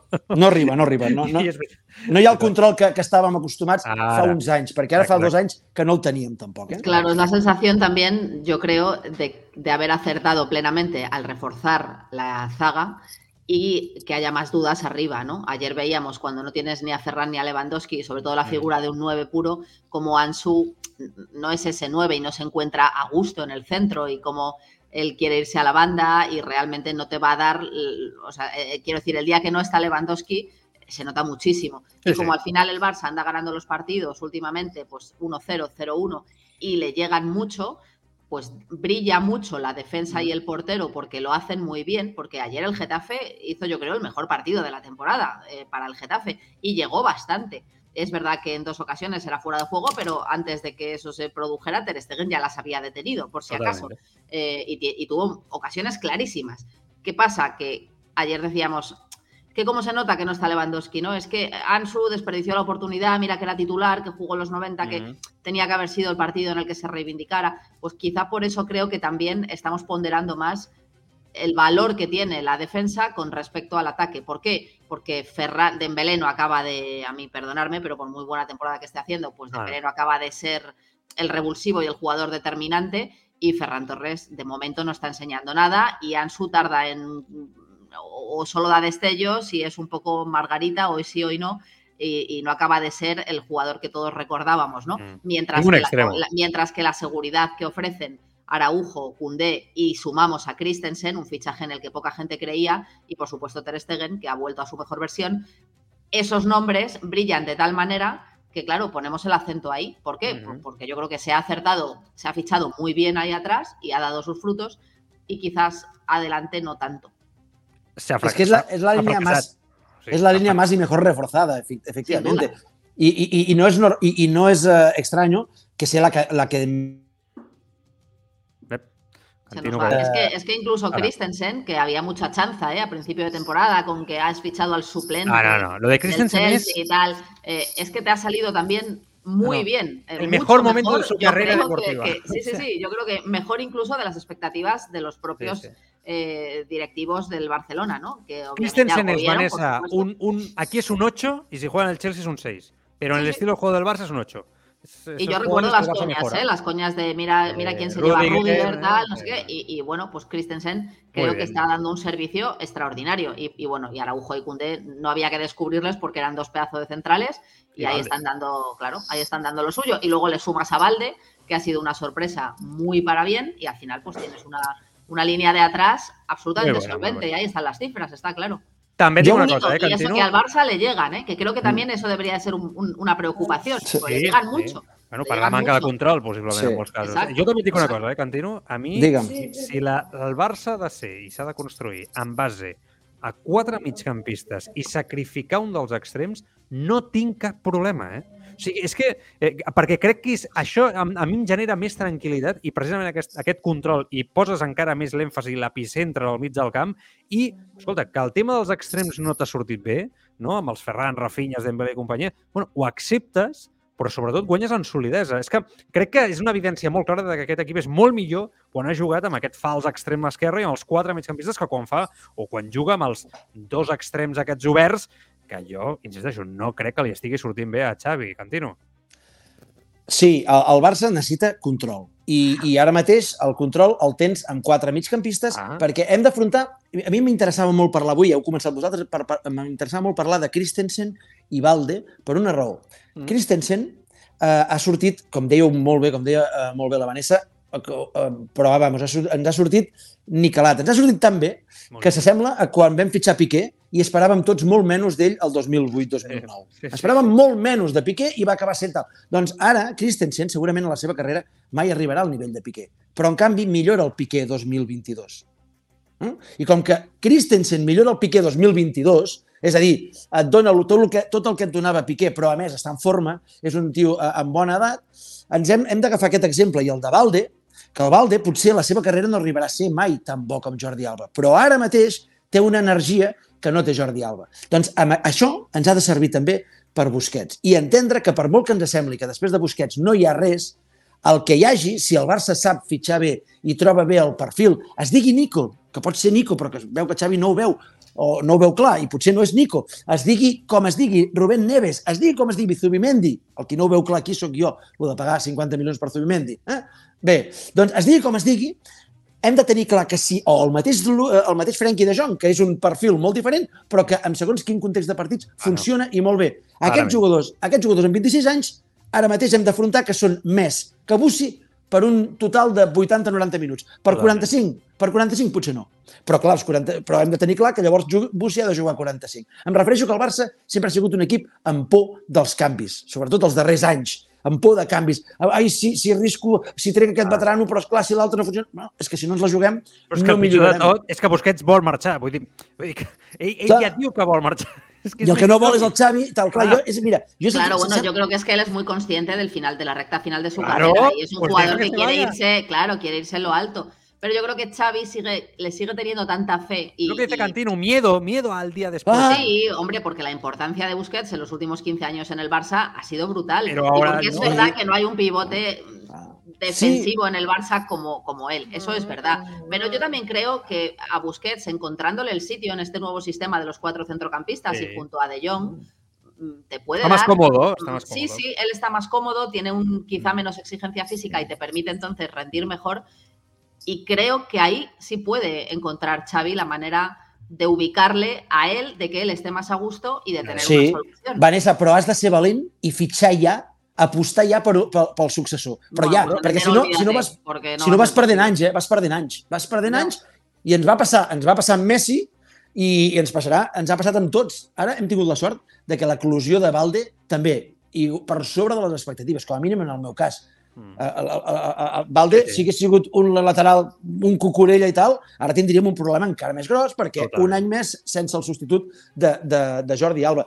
Jo crec que, jo crec que, el, que, el, que el Barça ha de Que ser... no era una posición, Cantino, nada fácil, ¿eh? O sea, Gens. Jordi Alba era otro de los puestos que parecía imposible de Gens. sustituir. No, no, que y además estaba ahí afincado a la banda izquierda porque eh, no había nadie como él. Y- Y no, a mí no, me y- parece que ahora mismo Valde es un sustituto, pero más que digno, y incluso por delante de Jordi en más de un partido, ¿eh? Con una velocidad Sí, y con sí. un estado de forma alucinante. i un jugador molt diferent a Jordi Alba, amb Sí, unes sí. característiques diferents, però al mateix nivell i el fet de ser en bona edat, i eh, de fet Valde no és en bona edat, encara ha d'arribar a la bona edat eh, Alejandro Valde, vull dir que Valde ha de créixer encara. Eh? Jugadors com Christensen sí. estan al seu cènit, però eh, tios com Valde encara han de créixer. El Barça ha de ser valent. I llavors una altra cosa, amb això que deia la Vanessa abans de que ens arriben molt, i té raó, ens arriben molt, aquí també hi ha, i no ho podem oblidar, el procés maduratiu de, de Gavi i, i Pedri. Estan encara lluny de ser madurs. És a dir, són molt bons, però tenen l'edat que tenen. I quan els joves s'equivoquen i els joves fallen. I resulta que tenim quatre tios al mig del camp, dos dels quals són titularíssims i seran la nostra, el nostre emblema en el futur, que tenen 18 i 19. I en tenim un altre que en té 30 i pico i 701 partits a les seves cames. És a dir, dels quatre que tenim, tres, per qüestions d'edat i d'experiència, fallen. Fallen Sí, sí. perquè... I llavors en tenim un amb bona edat que encara no acaba de sentir-se segur en el sistema. I tot i així és l'equip que domina la Lliga. Clar. I quan dic que domina la Lliga em refereixo no que vagi tres punts per davant, sinó que està dominant els partits. Que és, és a dir, els partits. Està dominant la competició. Hi ha la sensació de que guanyar el Barça és un marron, Sí, perquè resulta que no li foten gols. I que Tornem a estar un coco. Ah, exacte. I que quan ells, a, a base de, de, de madurar, de tal, amb, amb aparicions de Pedri, amb aparicions de Gavi i amb l'olfacte de Lewandowski, et, et mataran. I per la Champions League, i jo crec que per l'Europa League, no ens arribarà. Jo crec que l'Europa League el Barça no la guanyarà. Perquè et trobaràs un equip, un Eintracht de Frankfurt, un altre, que no, a dos el partits... United como estuvo ayer contra el Arsenal, eh, desde luego es Ah, complicadísimo. Pero Claro. también, si- por ejemplo, si, claro, si está el Barça de ayer ante el Getafe y el United que le plantó ayer cara al Arsenal, aunque perdió, Mm. Yo te digo que ay, ese partido no lo ganas. Si Ah. sale el Barça del- de la Supercopa ante el Madrid, mm, sí creo que le puedes ganar. Sí. O sea, Però és que vez passa, más, Vanessa, jo que veig... a qué clar, jugadores elige Xavi y con qué sistema t'ha de sortir moltes vegades, eh, el Barça del Madrid. Sí, O sigui, jo- jo moltes que veig- eliminatòries. Vull dir Sí, que jo el que veig amb aquestes, amb aquestes competicions, tant la Champions com també l'Europa League, perquè a l'Europa League sempre hi ha 7-8 equips, bons equips, Sí. és que són equips amb 8 jugadors o amb 10 jugadors de l'11 amb bona edat, 26-31. Mhm. Madurs, per entendre'ns. Bona edat, Sí, sí. jo entenc, bona edat, Sí, madurs. la maduresa en el punt, futbolística. en el punt de, de cocció màxima. Correcte. I el Barça resulta que té el triple, per mi, eh, per mi, el triple de talent que aquests equips, però un terç de jugadors amb bona edat. Sí. Els té El molt grans potencial molt el té més gran, però al moment Clar, no. Eh? El Però no, però no el present. Bueno, ha dos puedes partits- convertir eso en hambre, en, en Sí, mejor estado físico. sí, Quiero sí, decir, también hay pros y contras en la juventud, ¿no? No todo Sí, tiene que és- ser És que, jo, inexperiencia. és que jo crec, jo crec que l'any passat es guanya, s'elimina el Nàpols una mica per aquí, perquè el Nàpols ja insinuava aquest Nàpols, ja l'insinuava, eh? i aquell Ociment ja ens insinuava aquest Ociment, vull dir, i, i vull dir que, clar, exacte, un equipàs, un, un, un equipàs en, en el seu millor moment, vull dir que el Barça eh, jo no el veig favorit per l'Europa League, Sí, sí, però no, en es canvi el veig el gran lo favorit mismo, per la Lliga. Fíjate que el United también ha tenido una fase más dubitativa y ahora te llega en su mejor momento. Equipo Eh, fuerte, sólido, muy, muy, confiante, sí, muy sí. veterano también en En una ¿no? dinámica Porque- muy positiva, creyéndoselo y, y, claro. Mucho más ahí, hecho. pues, eh? sí. Eh, us, us canvio el terç, deixem la part futbolística, vaig a tocar un tema més desagradable, que és el tema Dani Alves, però que un dia més segueix sent eh, actualitat. Mm, bueno, l'altre dia ja ho vam parlar, pensava que ja no ho tornaríem a tocar, més enllà de potser l'anàlisi informatiu de, del cas, però amb Xavi pel mig ha tornat a ser protagonista no? aquest cap de setmana. Primer, en la prèvia, amb una declaració que es va fer viral i que a més va ser molt criticada per molta gent per part de l'entrenador del Barça quan li pregunten a la roda de premsa prèvia al partit del Getafe sobre el tema de Dani Alves, a més, amic personal seu, excompany no? a, a Can Barça, i Xavi diu això i després ahir rectifica. Primer, el que va dir a la roda de premsa prèvia. Bueno, es difícil comentar una situación así, esto lo, lo primero, ¿no? Eh, creo que como todo el mundo estoy en, eh, sorprendido, estoy impactado, estoy un poco en estado de shock, ¿no? Conociendo a, Dani, pues la verdad que esto es lo primero que me viene a la cabeza. Y después, pues que es un tema de la, de la justicia y que la justicia de alguna manera dictará lo que, lo que sea, ¿no? Ahí ya no podemos entrar. En cuanto a, a Dani, pues me sabe muy mal por él, ¿no? Eh, sorprendido por cómo es, cómo es Dani y cómo ha sido aquí con nosotros. Sorprendido e impactado, ¿no? Eh, no puedo decir nada, nada más.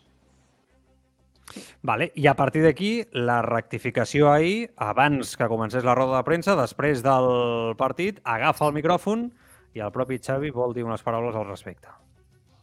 Bona nit. Si em permeteu, abans de la, de la pregunta, bé, m'agradaria aclarar una mica el que, va, el que vaig dir ahir. No? Crec que del tema del, del Dani Alves crec que es va malinterpretar una mica el que, el que volia dir. Potser no vaig estar eh, prou contundent amb les meves, amb les meves paraules. Crec que, que és important que m'expliqui. Eh, és un tema bastant escabrós i bastant important, no? I, evidentment, eh, vaig obviar, obviar una mica el tema de la, de la víctima, no? de les víctimes. Crec que hem de condemnar tots aquests actes, eh, ho hagi fet el Dani ho hagi fet qualsevol altra persona. No, no vaig estar del tot afortunat ahir i demano disculpes a la víctima i a les víctimes d'aquests actes de, de violència de gènere i, de, i aquest tipus de, de violacions. No? Dit això, doncs, eh, em sap greu que el Dani doncs, hagi pogut fer aquest tipus de, d'acte, em, em sorprèn i sobretot tot el meu suport a la, a la víctima en aquest cas. No? Crec que no vaig estar afortunat ahir i, i bé, hi ha hagut molta, molta crítica, l'entenc i, i demano disculpes. Bé, eh, dit això, bé, no, dit això, espero que ho entengui la gent, em sap greu, de veritat, no, no he passat un dia gens agradable i sé que la meva veu és molt important, formo part ara del, del, per mi el club més gran de la, de la història i em sap greu aquest malentès. Potser no vaig estar prou contundent en, en les meves paraules. Vale, jo només dic una cosa i us escolto vosaltres. Eh? Eh, mm, em sembla que la rectificació em sembla impecable per part de, de Xavi. També és veritat que crec que per part de molta gent hi havia mal in, mala fe a l'hora d'interpretar la primera, la primera intervenció, que crec que no és adequada, que es confon amb les paraules, que, que no ho diu bé, però crec que hi ha molta gent que va fer mal gratuïtament, quan a vegades doncs, eh, hi ha coses que s'entenen, eh, per molt que les paraules a vegades estiguin mal conjuntades, però si vols malinterpretar els fets, els malinterpretes, no? en, aquest, eh, en aquest sentit. Però si això ha de servir també, en aquest cas, perquè Xavi prengui d'una vegada per totes sensibilitat o consciència de que el seu discurs ja només representa Xavi Hernández jugador o exjugador o persona vinculada al Barça, sinó que representa, en aquest cas, el missatge més important que surt del club, doncs benvingut sigui. Ho dic també per casos com el de, el de Qatar. Em sembla que és, eh, que és important eh, que sigui molt conscient de, de com ara és la veu més important del club, la de l'entrenador del Barça y més sent ell. A ver, Vanessa, empiezo por ti. ¿Qué te parece toda la situación en el caso de Xavi, más allá de Dani Alves? Bueno, si queréis opinar también al respecto, pues os escucho también. ¿no? Bueno, tal cual. Eh, creo que sus declaraciones iniciales, eh, la tibieza con la que se expresó,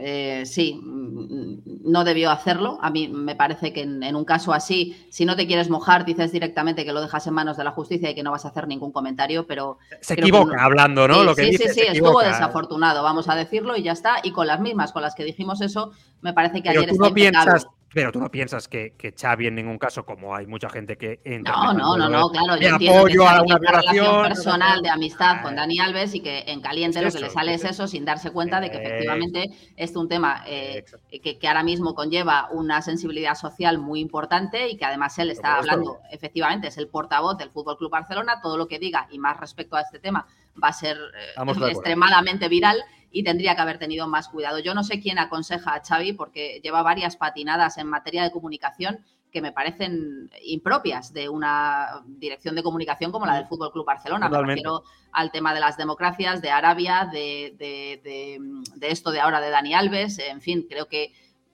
considero a Xavi lo suficientemente inteligente como para haber tenido un discurso mejor. Dicho lo cual, creo que lo que hace ayer está muy bien. Lo que hace ayer, y creo que de verdad le veo fastidiado por, por la metedura de pata y por pensar en la repercusión que ha tenido, creo que eso, junto a todo lo que ha envuelto el caso de Dani Alves, y ahora te pido que me dejes expresarme por qué, eh, mm, me, alegra, entiéndeme bien, eh, y creo que es un síntoma de cómo está madurando la sociedad en este sentido, el mm. tratamiento y la velocidad en la que se están resolviendo ciertas cosas. Creo que, te lo voy a decir claro, hace cinco o seis años a esta chica le pasa esto mismo y yo tengo bastantes dudas de que la hubieran creído. Creo que hace unos años cualquier hombre hubiera pensado que era una chica que quería aprovecharse de un jugador y que la versión del futbolista hubiera primado. Me parece de sombrerazo que el portero de la discoteca la crea y active de inmediato un protocolo que continúa el dueño de la discoteca y que los Mossos de Escuadra y todo lo, lo que continúa después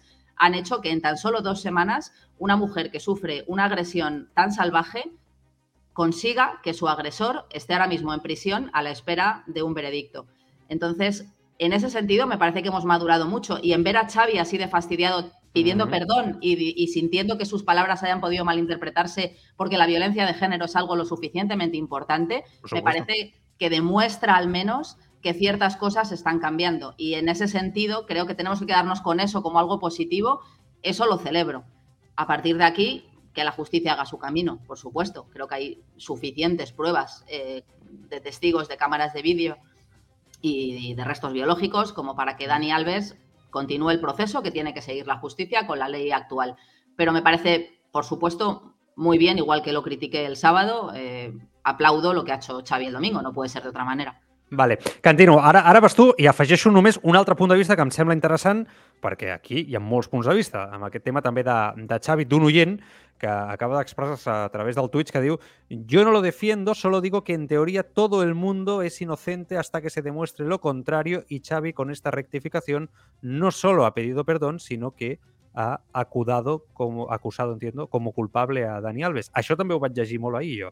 Molta gent que deia, bueno, però clar, Xavi amb aquesta ratificació ja està acusant a Dani Alves de culpable i no respecta, no, en aquest cas, doncs, eh, la presumpció d'innocència. Bueno, Eh, un altre punt de vista que també s'ha expressat molt eh, les últimes hores. No, mira, perdóname, Joan, eh, es que este es el protocolo que se sigue con cualquier persona que comete un delito. Obviamente los juicios no suceden en 24 horas. Cuando, no, pero habla más de la rectificación de Xavi, ¿eh? Claro, pero es que la rectificación de Xavi viene a tenor de los hechos.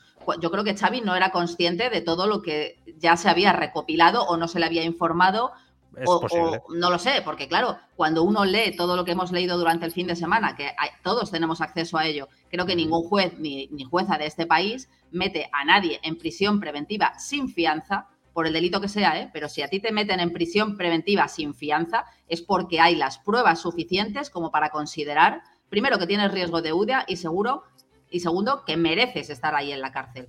Hmm. Eh, si tenemos, si, actuamos con esto que dice el oyente, entonces, nada, eh, los criminales y los delincuentes andarían sueltos porque se escaparían. ¿O qué hacemos para proteger a las víctimas? ¿Cómo se protege? Entonces, es que sí, a lo mejor uno de cada mil al que se mete en prisión preventiva luego resulta inocente en un juicio, pero es que son los mecanismos que tiene la ley y el Estado para en fin, hasta que salga un juicio, que por desgracia las cosas no son inmediatas, es el único mecanismo que tenemos. Claro, ¿cómo lo, vas a hacer si no? Esto no le pasa solo a Dani Alves, ¿eh? Y yo aquí quiero decir otra, es que hay, de verdad, hay muchísimo machismo en este tema. A mí me han sangrado los oídos la semana pasada de acusar a una cantante como Shakira de no pensar en sus hijos al lanzar estas acusaciones como Piqué. Yo quiero decir que Dani Alves tiene dos hijos adolescentes, bastante más mayores que los de Shakira y los de Piqué, con la edad y la mente bastante más madura como para comprender lo que es una violación y lo que ha hecho su padre, y no he oído absolutamente a nadie llevarse las manos a la cabeza por qué estarán pensando los hijos de Dani Alves después de haber violado a una chica de 23 años. Te ha contestado,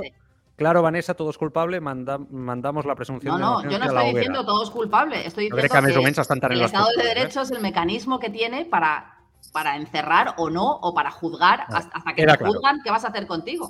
Queda claro. Vull escoltar el Cantino al respecte O sea, me d'aquest... refiero, perdón, que esto no le pasa solo a Dani Alves, que es que igual hay Claro, gente que se cree, claro. claro. que esto le pasa a cualquier persona que comete Por un delito supuesto. y un juez ve indicios de culpabilidad.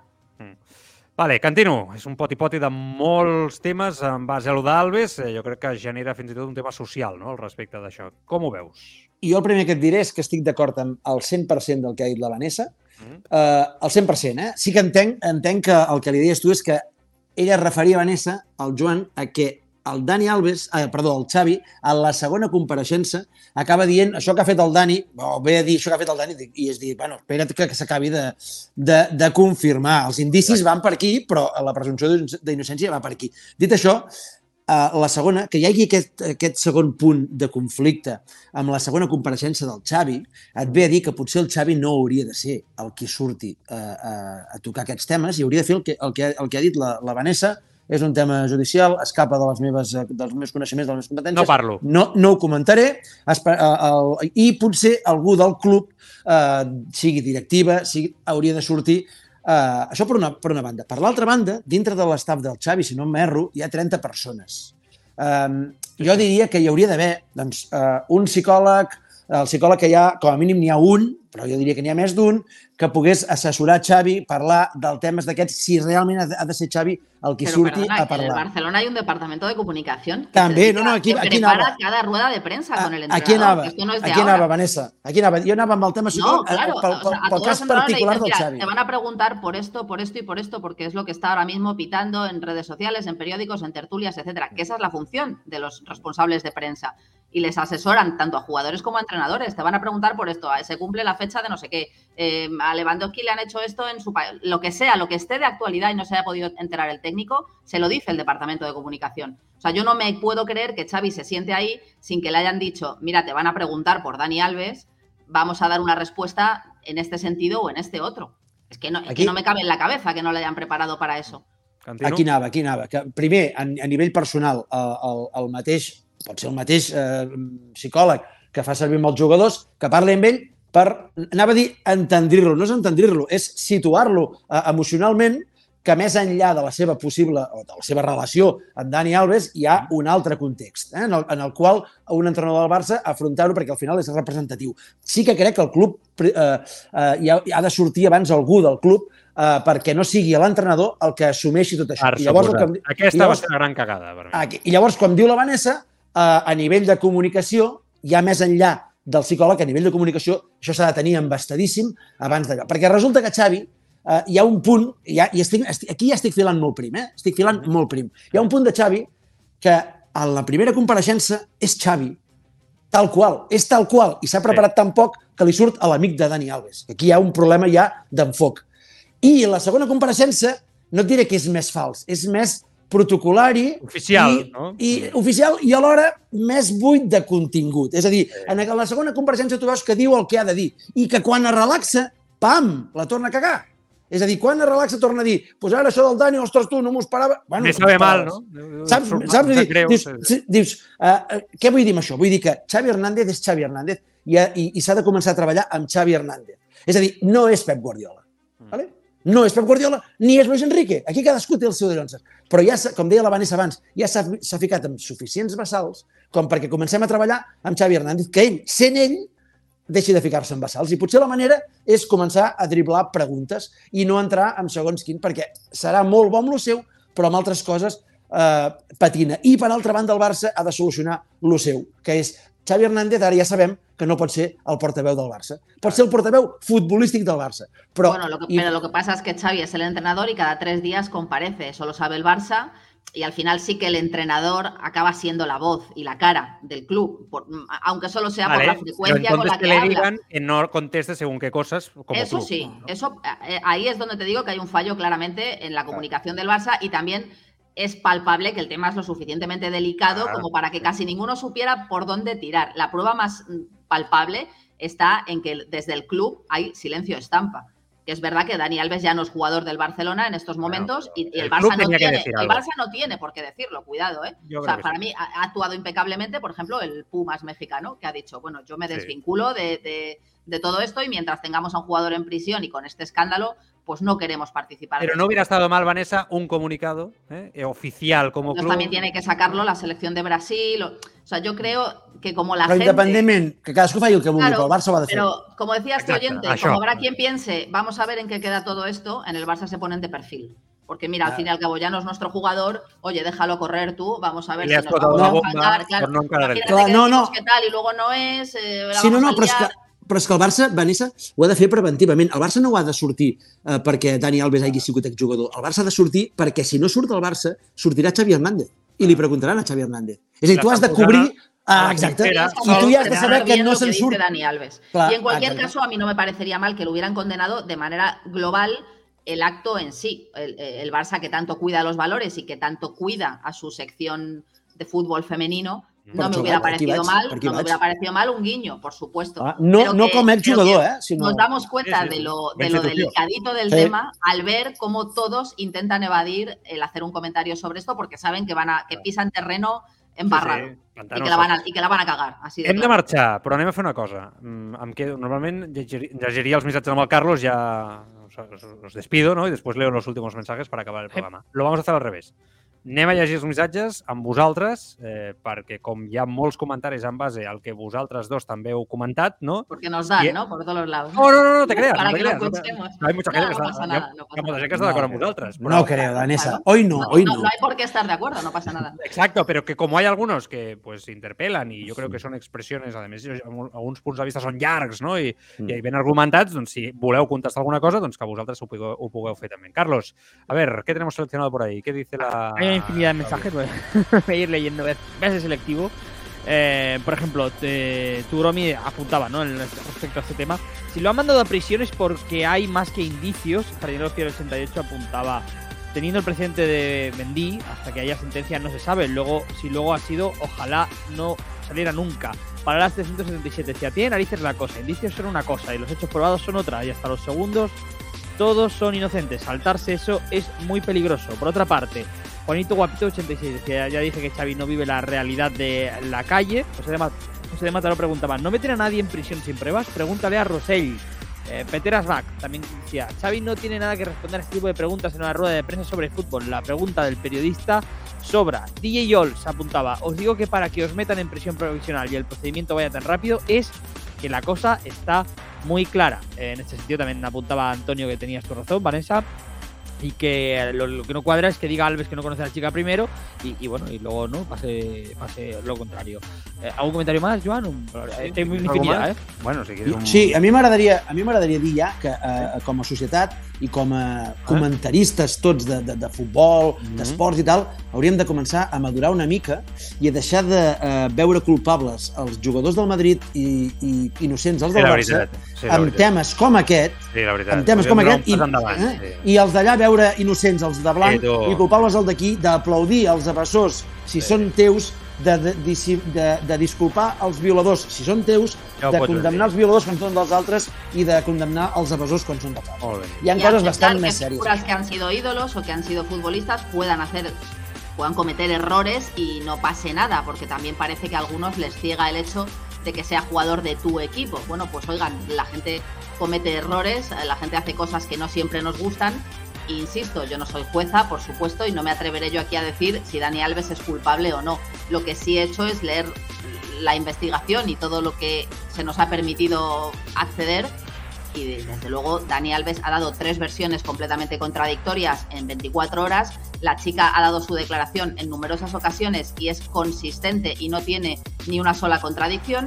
Y repito, tanto policía como jueza han recabado pruebas biológicas, cámaras de vídeo, declaraciones de testigos, una- un informe forense del hospital en el momento en el que la chica acudió. Queda claro, Vanessa, sí. Entonces, sí, sí. bueno, eh, creo que, la- que me refiero que tiene un sentido Sí, sí, que. Dani Alves esté en prisión preventiva. No le ha dado a la jueza porque sí. que- Claro, que- y sobre todo porque tiene una nacionalidad, recordemos, Claro. Brasil, que, que si huye a Brasil, Y una capacidad puede económica. volver, y ahí tenemos el caso de Robinho y de otros jugadores. Claro, Y entonces, por supuesto, dicho esto, que la justicia ahora demuestre, evidentemente, Por supuesto. I una cosa, abans de que, abans de que tallis, Joan, Sí. sí, sí que voldria tornar a donar la raó, a tornar a, a remarcar una cosa que ha dit la Vanessa, que ha atinat molt. En aquest cas, només hi ha dues persones. La, la, la noia ha passat la, la pitjor experiència de la seva vida. Home, però la seva integritat, la seva integritat posterior a aquest drama que ha passat, eh, és intachable. I vull també eh, eh, tornar a recordar una cosa que ha dit la Vanessa, que és els de la discoteca. O sigui, la gent de la discoteca que potser, per, que potser per primera vegada perquè les discoteques, ja ho sabem, Joan, que en casos d'aquests han tirat sempre més i sales Com de han festa i canviat restaurants les coses, per eh, tapar-ho tot. Es que eso es lo que yo quería reflejar, que esto hace cinco o seis años. Impossible. Amb un Ahora, famós, venga, Vanessa. tira, que ya querrás salir tú en, en el, en el programita del corazón. Eh. Saps tu, Joan, que que- s'han o la tapat... propia chica no tenía Oh. la información de lo que tenía que hacer, iba a su casa, se Exacte. duchaba, destruía tapat cualquier tipo de... barbaritats, i Barbaritats. no, i no estirem del fil. No la estirem efectivamente, sirve No, no, para y- algo y eso es algo que, pese a la desgracia que ha pasado esta chica, tenemos que celebrar. I dic la integritat de, de la noia perquè... Ramo- re- Remata-m'ho perquè m'he Sí, dic, i dic la integritat de la noia perquè començar un procés així no és fàcil. Y que ha molt renunciado a cualquier tota indemnización económica, ¿eh? Ah, exacte. que se haga Exacte. justicia. que és un plaer escoltar-vos, eh? i que crec que hem, eh, heu fet una tertúlia d'un nivell altíssim com el que sou vosaltres dos com a comunicadors. Cantino, abraçada forta, no triguis Una abraçada forta, a veure si ens veiem aviat. Vinga, així m'agrada, cuida't molt, una abraçada forta. Vanessa, Una un abraçada. beso. Genial Muchas como siempre. gracias, un Cuídate beso, mucho. chao. Carlos, cuídate. Tornem demà al Tribuna. Marca. Adéu-siau.